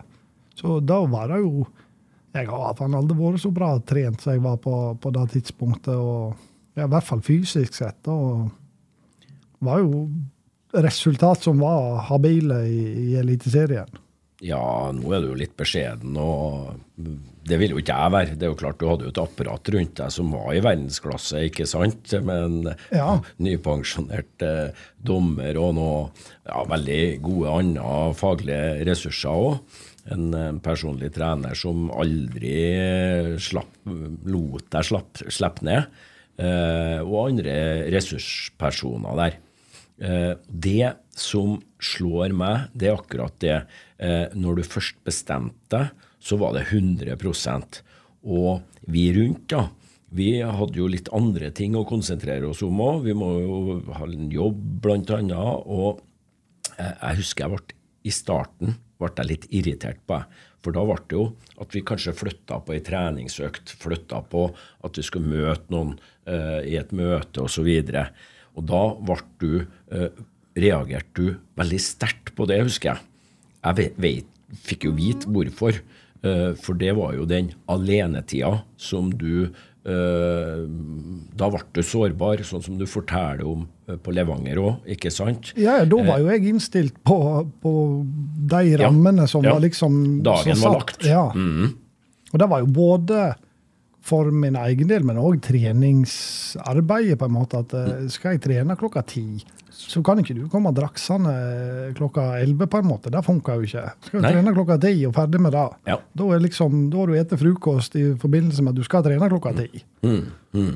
Ja. Altså, sånne ting. Var, altså, hadde jeg vært like dedikert tidligere i karrieren, så, så hadde jeg jo gjort det mye bedre. Mm. Det tror jeg òg. Det, tror jeg òg. Uh, men uh, da lurer jeg på hvordan ender denne comeback-situasjonen? da? Eh, den ender vel med at jeg ikke får noen kontrakt i, i Eliteserien. Og der opplevde jeg nok litt sånn at uh, det var heller ingen som var Jeg tror ikke nødvendigvis det var ferdighetene som var, var problemet. Her var det mer at klubbene ikke ville ta i meg, tror jeg. Uten at det er ingen som har sagt det sånn direkte, men, men jeg har opplevd det litt sånn, i hvert fall. Mm. Og det, forstår jeg jo 100 òg. Ja. Mm. Da, blir det, da, blir det, jo faktisk eh, Men da kan man jo spørre seg om det er åpenheten eller tilbakefallene som har vært uh, Og, og da er litt da er Det er litt sånn Sett, sett, i ettertid så er det kanskje ikke at uh, da at jeg eh, fortalte om mine utfordringer, nødvendigvis har hjulpet meg sånn i karrieremessig, for min del. Fordi at jeg var førstemann som Og folk ble litt sånn OK, hva er dette her, på en måte? Ja, og så tror jeg at uh, åpenhet i seg sjøl er bra. Og så skal jo på en måte uh, verden på en måte Hva skal jeg si Lære seg å møte uh, folk på følelsene der dem som er åpne, står. Og det er ikke alltid likeens at det skjer, som vi snakka om i stad. En annen ting er jo det tilbakefallene. Altså det billetthistorier, vil jeg mm. tro da går viralt etterpå. Og det er to år etter åpenheten. Så da blir det jo Da, da blir jeg litt sånn Ja, nå var det lenger etter opp, ja, oppslaget der, men, ja. men, men, jeg tror ikke Jeg tror jo den er jo, Det var jo en grunn til at uh, det er saken som har prega meg mest òg. Det var fordi at det altså, det var som du sa, det var, det var, jo svindel, rett og slett. Det var jo en, en, kriminell handling. Så det er klart at det, det, det, er jo ikke kriminelt å spille vekk pengene sine på en måte, og ha et problem men når du får det kriminelle i, i, i tillegg da, attpåtil, så, så hjalp jo ikke akkurat, akkurat da. Og da blir det jo litt sånn. Jeg tror i de tilfellene at, at folk, folk, folk vegrer seg for å, for å, å ta meg inn. For, for, nivået skulle jeg ha det skulle jeg ha fiksa. Ja, men jeg, altså, For det kan jo fremstå som en litt uhåndterlig pakke. Ja, ja, ja. Fordi at det er lite kunnskap om det, og i tillegg så kan jeg hende at uh, her kjøper vi oss et problem som vi kanskje ikke vil ha. Ja, for, for jeg krev, krevde jo nesten ingen lønn. Nei, Jeg forstår. Jeg var villig til å gjøre alt for å bevise at jeg kan komme tilbake, på en måte. Mm. Ja, Uh, og da skjønner man, for du er iherdig, og at, uh, det vil jeg tro du har uh, fort kunne gjort òg, hvis du har fått muligheten. Ja, det tror jeg jeg hadde gjort. Mm. per Ivar sa et ord i stad som jeg hengte meg opp i. Frisk. Mm. blir man noen gang frisk? Nei, det, det tror jeg ikke. Nei? Sånn, sånn, er det for meg. Jeg har vært edru. Jeg er snart 28 år. Jeg kaller meg fortsatt for rusmisbruker. Ja, jo, jo, men, men jeg tror ikke du, du Jeg tror ikke jeg får til å drikke. Jeg tror ikke jeg, tror ikke jeg Fordi at det Jeg ser ikke for meg at det er løsbart. Og det kan hende jeg tar feil, men da gikk jeg resten av livet og ikke drakk da og tok feil. Andre feil enn å være. Hvis jeg mm. tror jeg kan drikke, prøve det, og det viser seg det ikke går. Selvfølgelig. Ja, For det får så jævlig store konsekvenser. For ja. det blir så voldsomt. Men dette der har jo jeg Det er jo det jeg, jeg tenker på når jeg sier at jeg har, har lært meg sjøl å på en måte Hva er det som, som funker for meg? da? Jeg har jo funnet ut da at å, å holde eh, tyst om alt til enhver tid, da, da bygger det seg bare opp og opp, opp, opp, og så til slutt så du smeller det, og så er du på en måte i, i gang. Så ja, jeg har jo eh, prøvd å feile litt sånne ulike, ulike veier, og har egentlig funnet ut at, at interessen min og det, det, sosiale aspektet ved det, det tror ikke jeg klarer å, å leve utenom, på en måte. Fordi at alle, alle kompiser som jeg har, stort sett, alle i omgangskretsen min, så blir det så stor uh, ja, du, du, kommer jo inn på problematikken på et eller annet vis. Hvis, bare ved å spille fotball så er det umulig å ikke komme uh, bli en del av en samtale rundt gambling, f.eks. Mm. Men klarer du da å la være å gå hjem og sette en odds? Liksom? Nei, altså jeg, jeg, har gjort det sånn at jeg er med på andelslag. Ja. Der jeg har ansvaret for å kunne sjekke rundt og gjøre de tinga jeg har syntes er artig. da. Ja. Ringe rundt og, og, ta del i det. Og så får jeg òg være åpen om at eh, jeg er med på et andelslag, som gjør at jeg slipper å skjule ja. at jeg spiller, på en måte. Ja, Men er ikke det litt å gamble med gamblinga? Jo, jo, det kan du jo si, men, men så har jo de tidligere forsøkene mine resultert i dass òg, på en måte. Ja.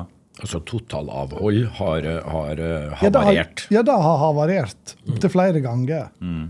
Så, så, da må jo jeg prøve å finne den veien som kan funke for meg. Mm. Så, så, ja, det er jo det jeg på en måte har kommet fram til. Ja, hvor, Men er det da like altoppslukende som det var før? Nei, men nå får jeg de eh, dryppa på en måte, da. Ja, Men det er jo bare å hive seg med på 30 andelslag, da, så er det sommerloopen i gang igjen. jo, jo, jo, men da, da, da skjer det. Nå har jeg jo fått bedre si, kontroll på, på, økonomi og de type tinga der, og, ja. og, er mer åpen om, om økonomi og, og alt, alt sånt. Så, så det er jo en del av den prosessen de siste ti åra, da. Mm. Og, og, eh, Ja, altså, kanskje jeg, jeg, jeg skammer meg nok mer før enn hva jeg gjør nødvendigvis i dag. Fordi at jeg har uh, ja, litt, litt antageligvis det presset som ligger i, i idretten òg, da. At uh, du er en offentlig person, på en måte, og litt det her uh, prakteksemplaret at du skal ikke ha noen, noen utfordringer. Men det har jeg nå jeg si, hatt såpass lenge at jeg gir litt sånn faen i hva alle mener rundt mine utfordringer. at at det er enklere for meg å, å fortelle det på en måte. Mm. Ja. Nei, jeg er, jo, jeg er, jo, så polarisert på mange måter at, og har øvd mye på balanse. Og det begynner å funke bra, men balanse i alkohol, det tør jeg ikke. Uh, sånn at min, min verden så er det eh, totalavhold som helst, ikke sant? Mm. Og, og, jeg tenker Og jeg, jeg tenker at det, det, det, er det beste, for jeg har bygd meg en sånn konto på den sida som er veldig solid. Og er fornøyd med det. Men eh, jeg er for all del ikke fordømmende overfor deg og din måte å stå i dine ting på. Nei, og jeg, jeg tror at det der er litt hvordan en skal håndtere problemene sine. Mm. Tror jeg det er ulike veier på. Ja. På samme måte som hvordan en skal nå fram til noen uh, uh, for å, å, høre altså hvordan, hvordan tilnærmer seg folk med vanskelige å ta tak i utfordringen. Ja. Er det òg ulike veier på hvordan enkeltindivid vil at du skal på en måte framtoningen din er, da? Ja, ja. Mm. ja. Men i min verden i utgangspunktet så er det liksom totalavhold løsninga når man har blitt sjuk, ikke sant? Ja. ja det, det, er sånn, men ikke fordømmende. Men jeg tenker litt annerledes, men det gjør det litt interessant. Ja, ja, ja, mm. selvfølgelig. Mm. Ja. Uh, så det må, må, jeg være åpen om. Ja. ja. Uh, har du vært på gjeldssanering noen gang? Du, da får jeg ikke. Nei. Jeg er for ung. Du er for ung, ja. Så du har, uh, men du har rydda opp og Ja, altså, jeg betaler den dag i dag, jeg. Ja. Ganske stort innhogg. Ja. Så, så, den dagen jeg blir gjeldsfri, ja. det blir en fin dag. Ja. Det kan jeg si. Jeg skjønner. skjønner. Ja, det er jo det, er jo dere der som er sånn eh, For i forhold til det, da eh, Hvis du plutselig at du, får en million i bonus, eller det skulle komme masse penger i arv, eller noe sånt, er det farlig overfor deg nå? Er det da så easy come, easy go igjen? Ja, Det er jo jævlig vanskelig å svare på, da, men jeg tror det kan være mye enklere når jeg, når, nå når jeg på en måte er mye mer åpen om, om økonomien min, da, kontra hva det var for, for ti år siden. på en måte. Ja, ja du, Men du er jo myndig, sånn at jeg tenker hvis noe sånn har skjedd, låser du da inn i kjeller og sitter på nettkasino? Nei, nei fordi, puff, så er det bort? Det tror ikke jeg. fordi at uh, Jeg tror ikke det fordi at uh, det med økonomi har på en måte gnegd meg i 15 år, da. Og det er det som er det Det jeg sitter igjen som er blant det verste, på en måte. Altså, jeg, jeg er 31, så jeg er bare 30. Men, men å ha ikke leilighet, ha ikke bil Får faen ikke telefonabonnement engang.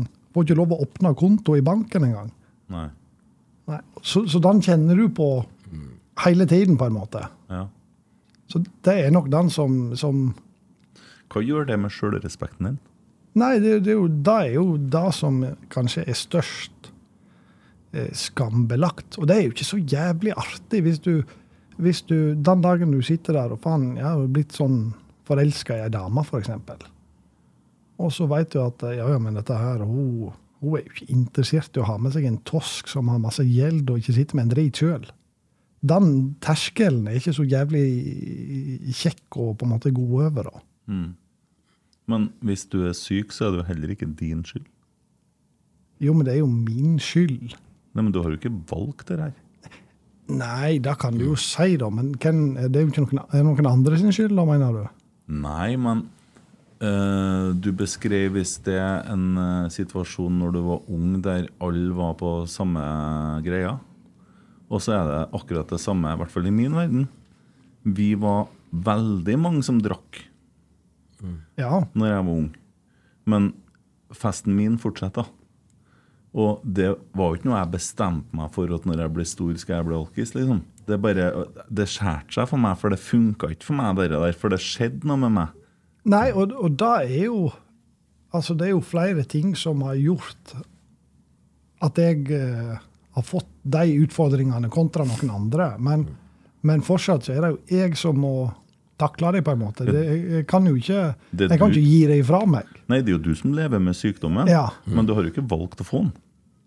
Nei, du har jo ikke valgt det sånn sett, men, men du, har, du, har, jo kanskje ubevisst eh, latt deg enklere havne i den situasjonen. da. Ja, fordi at det er en del av det? Ja, det er en del av Ørjan Hopen. Og personligheten av Ørjan Hopen og, og særtrekk av Ørjan Hopen. Det ja. blir jo på godt og vondt i alle retninger. Mm. Ja, Men jeg tenker at det er en del av sykdommen til Ørjan Hopen.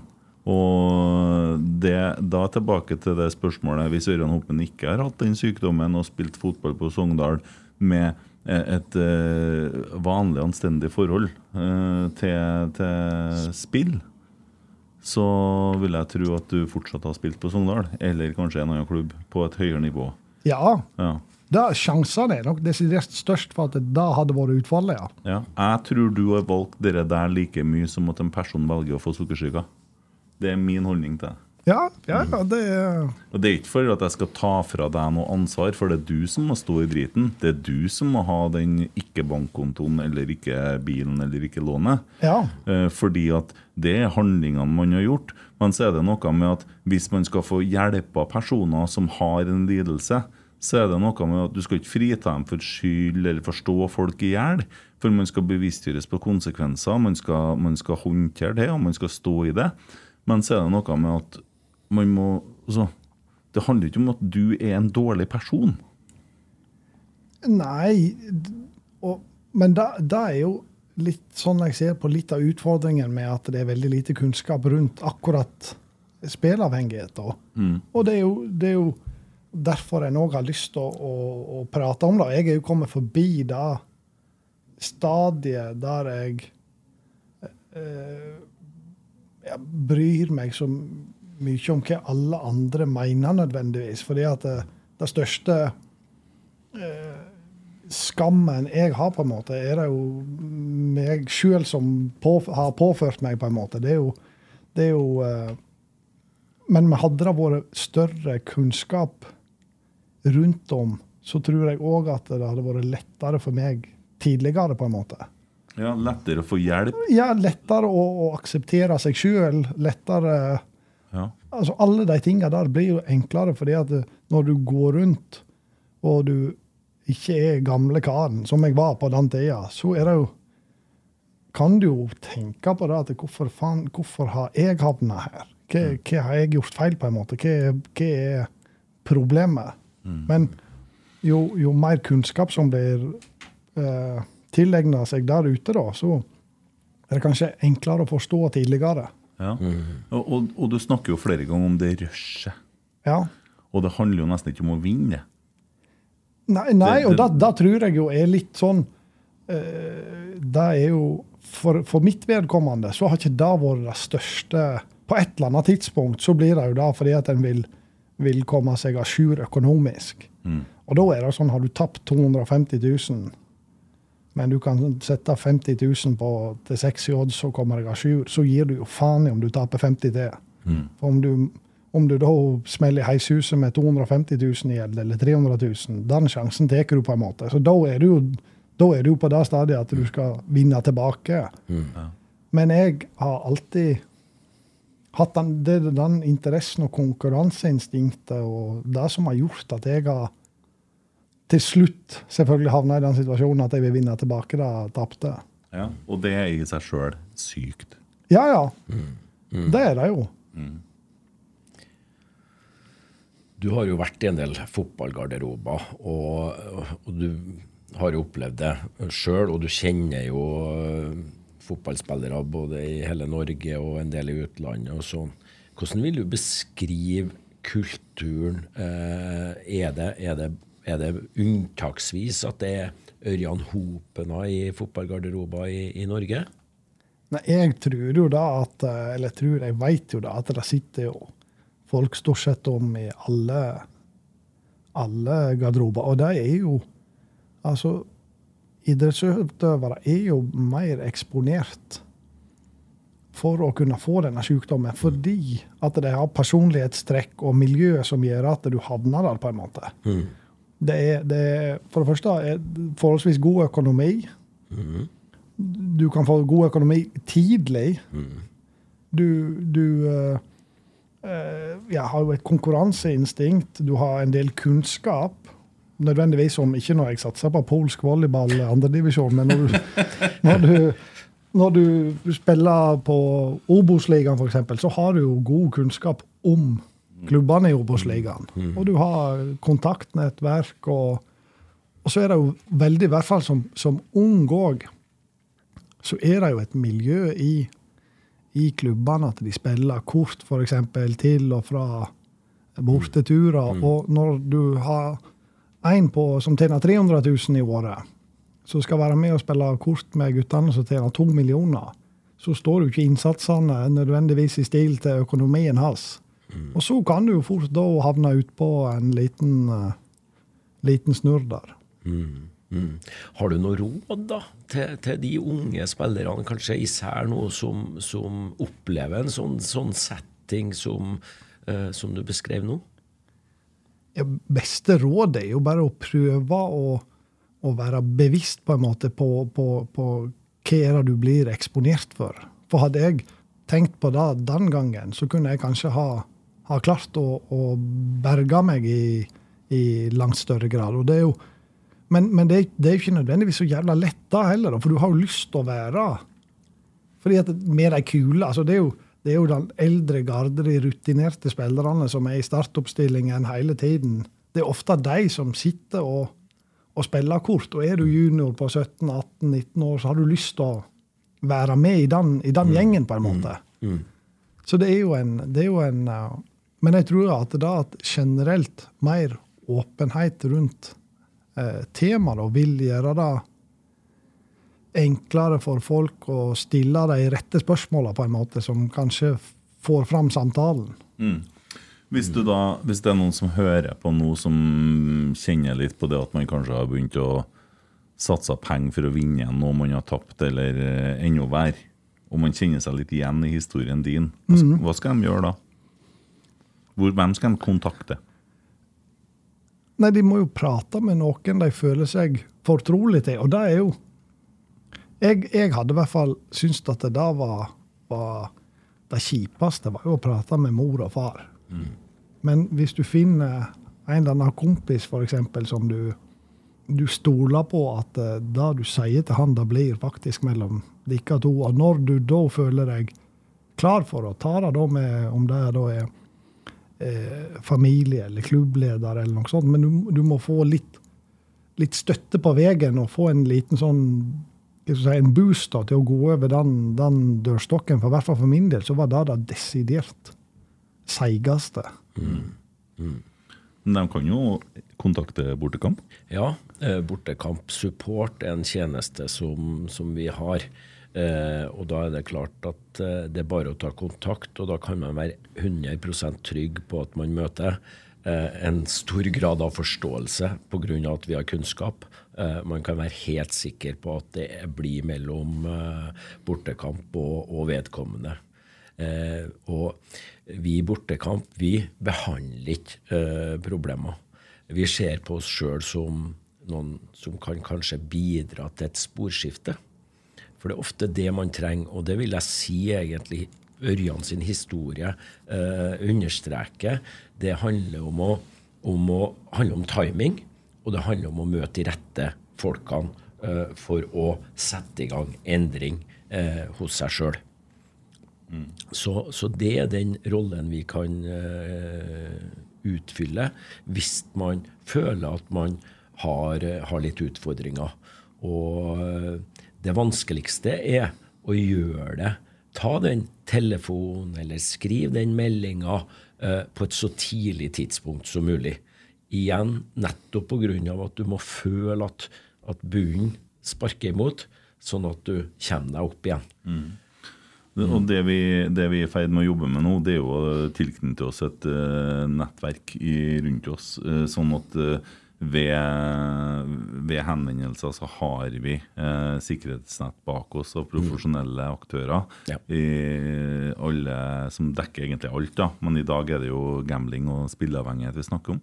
Som eh, eventuelt kan eh, bidra til at eh, man kommer seg i en annen situasjon.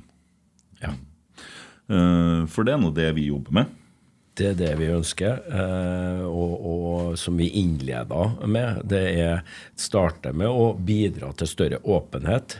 Derigjennom, jeg tror alle som har hørt på Ørjan sin historie i dag, vet mer om spillavhengighet eh, enn før de satte seg ned og hørte. Og da har vi jo kryssa av for, for to, to, ting.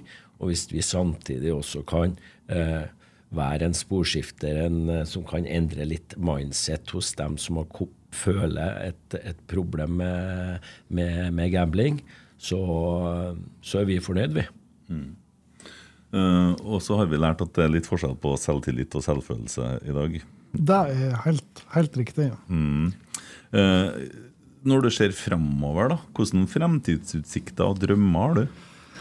Ja, Det er jo et godt spørsmål. Nei, jeg har jo lyst Drømmen min er jo å ha null i banken. Kan jeg si det? Ja, ja. For da har, jeg, da har jeg kommet meg på rett side. Ja. Så det er jo liksom det jeg ser fram til. Den dagen jeg er i, i null. Og kan stå rakrygga og være i null.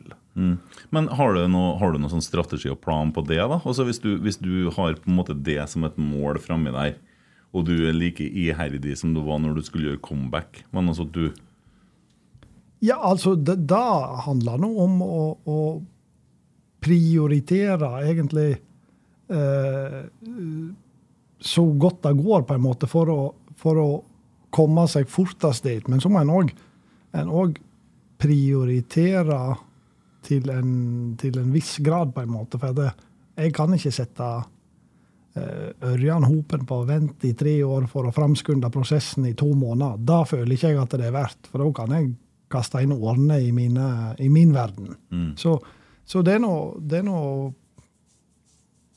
Da først og fremst ikke gå på noen smeller så en havner i minus, og så komme seg til, til nullpunktet. Da kan jeg på en måte starte med andre epoker, da, for å gå litt mer rakrygga og være litt uh, Jeg er jo forholdsvis offensiv ellers òg, men være enda mer offensivt og framoverretta. For det, det preger jo eh, Økonomien og sånt gjør jo noe med deg. At du bruker jo energi og krefter på å tenke på det, gjerne ubevisst, og hindrer kanskje litt av kreativiteten din og, og de type tinga der. Så det eh, Det vil jo forhåpentligvis komme enda større grad når en klarer å komme seg på, på rett side. øh, Ja, det er, jeg har trua på det. Ja, ja, det er ja. må si øh, det er, det er jo veldig fint å sitte og høre på. Du er jo veldig åpen og ærlig. Uh, og- Ja, jeg prøver jo på det da, for å kunne Håper jo det sitter noen der ute som hører på og syns at fanken, dette traff, nå skal jeg gjøre sånn.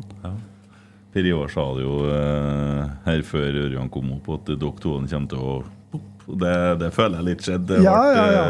Her er det en mann det er lett å bli glad i. Og, I like måte, Ken. ja, det setter veldig stor pris på deg, og ikke minst at du er, er så, så åpen som det. det. Det er veldig godt. Um, du har jo Du bor jo ikke alene nå? Nei. Nei da. Du Jeg har samboer. Ja, Ja.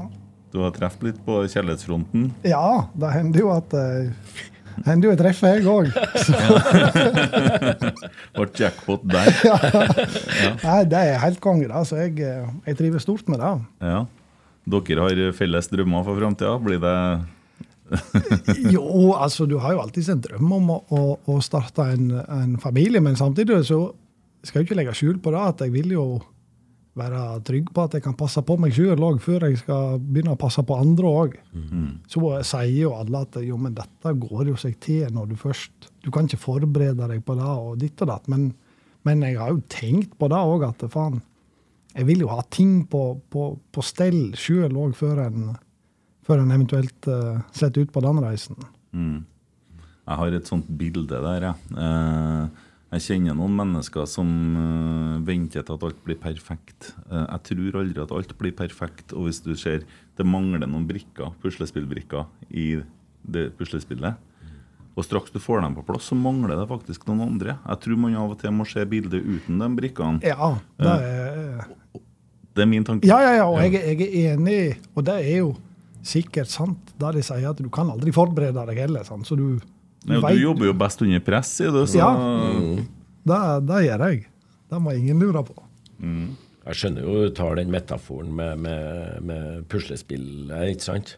Jeg lurer jo på når, eh, når du, Kent, hvor mange puslespill som lå på bordet når du satt din første arving til verden. Jeg hadde ikke så mange brikker.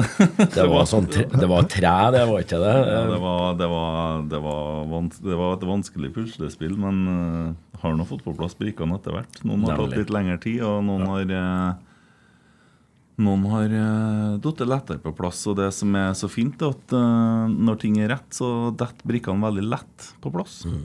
Og når ting kanskje ikke er som det skal være, så begynner man å Man skal ikke tvinge brikkene. Nei. De skal dette på plass sjøl.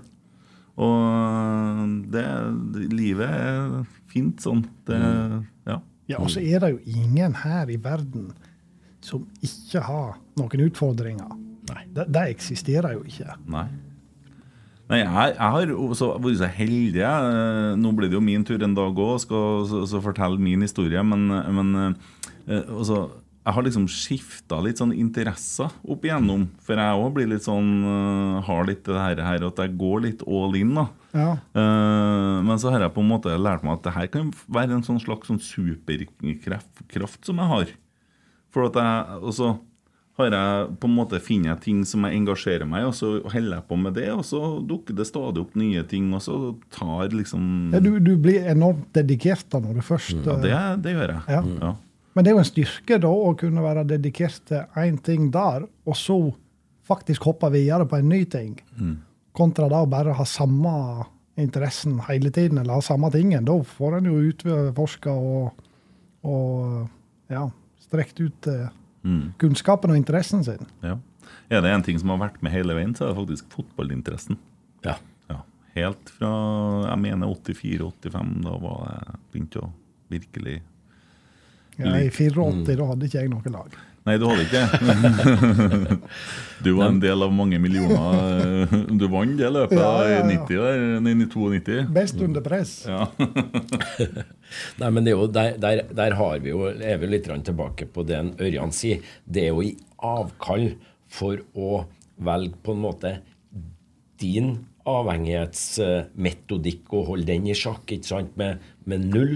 Eh, så vil konsekvensen for han, sånn som han ser det, og det er jo det jeg respekterer og skjønner, for det betyr eh, egentlig at uh, du må finne en totalt annen interesse. Mm. Ja, ja. I, i, altså i sånn ytterste konsekvens her, ikke sant? og så prøve å, å, bygge opp noe nytt. Det, det er sånn du eh, antageligvis fungerer eh, på innsida. Jeg ser ikke noen Ørjan Hopen som ikke er interessert i idrett. Nei.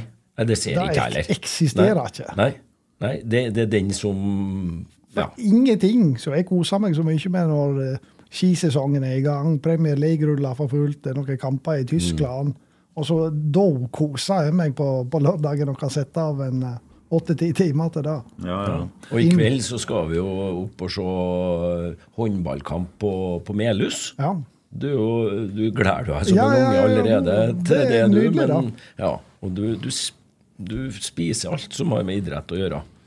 Enda lettere om du hadde bodd i Trøndelag. Her, eh, det er så mye bra som skjer. det er jo det. Her vinnes litt. Ja, og det er jo ofte og veldig mange gode biljardspillere kommer fra Trondheim. Ja, ja. Eh. Nå var det fem år, Her om dagen var det 45 år siden Sogndal var i cupfinalen. Mm. Ja, men det står respekt av det Sogndal har eh, holdt på med i alle de her årene. Det, det mener jeg. Uh, bare skyte inn på det du sa, Per Ivar. Jeg har en uh, god venn som het Frode Viken. Ja. Som uh, var låtskriver og gitarist i DDE. Han var Jeg fikk jobb sammen med han i en del år. og han brukte å si det at han slutta ikke med noe, men han brukte å fokusere på hva han da begynte med. Mm. Ja. sånn at når at jeg spiste veldig usunt og sånne ting, så, så begynte jeg jeg slutta ikke med dårlig mat, jeg begynte med en sunnere livsstil f.eks. Da har jeg begynt med det. Det er så mye mer positivt, la, positivt lada. Mm. Ja, ja, ja. Det er sant. Det er enig i. Så, og, og, og, da fokuserer ikke jeg på det. Jeg på en måte, for at det du da eventuelt beveger deg bort ifra, det forsvinner jo bare. så en, ja. Naturlig konsekvens. Ja. Jeg røyka fram til 2006, men jeg har ikke sagt at jeg har slutta å røyke. Nei. Nei.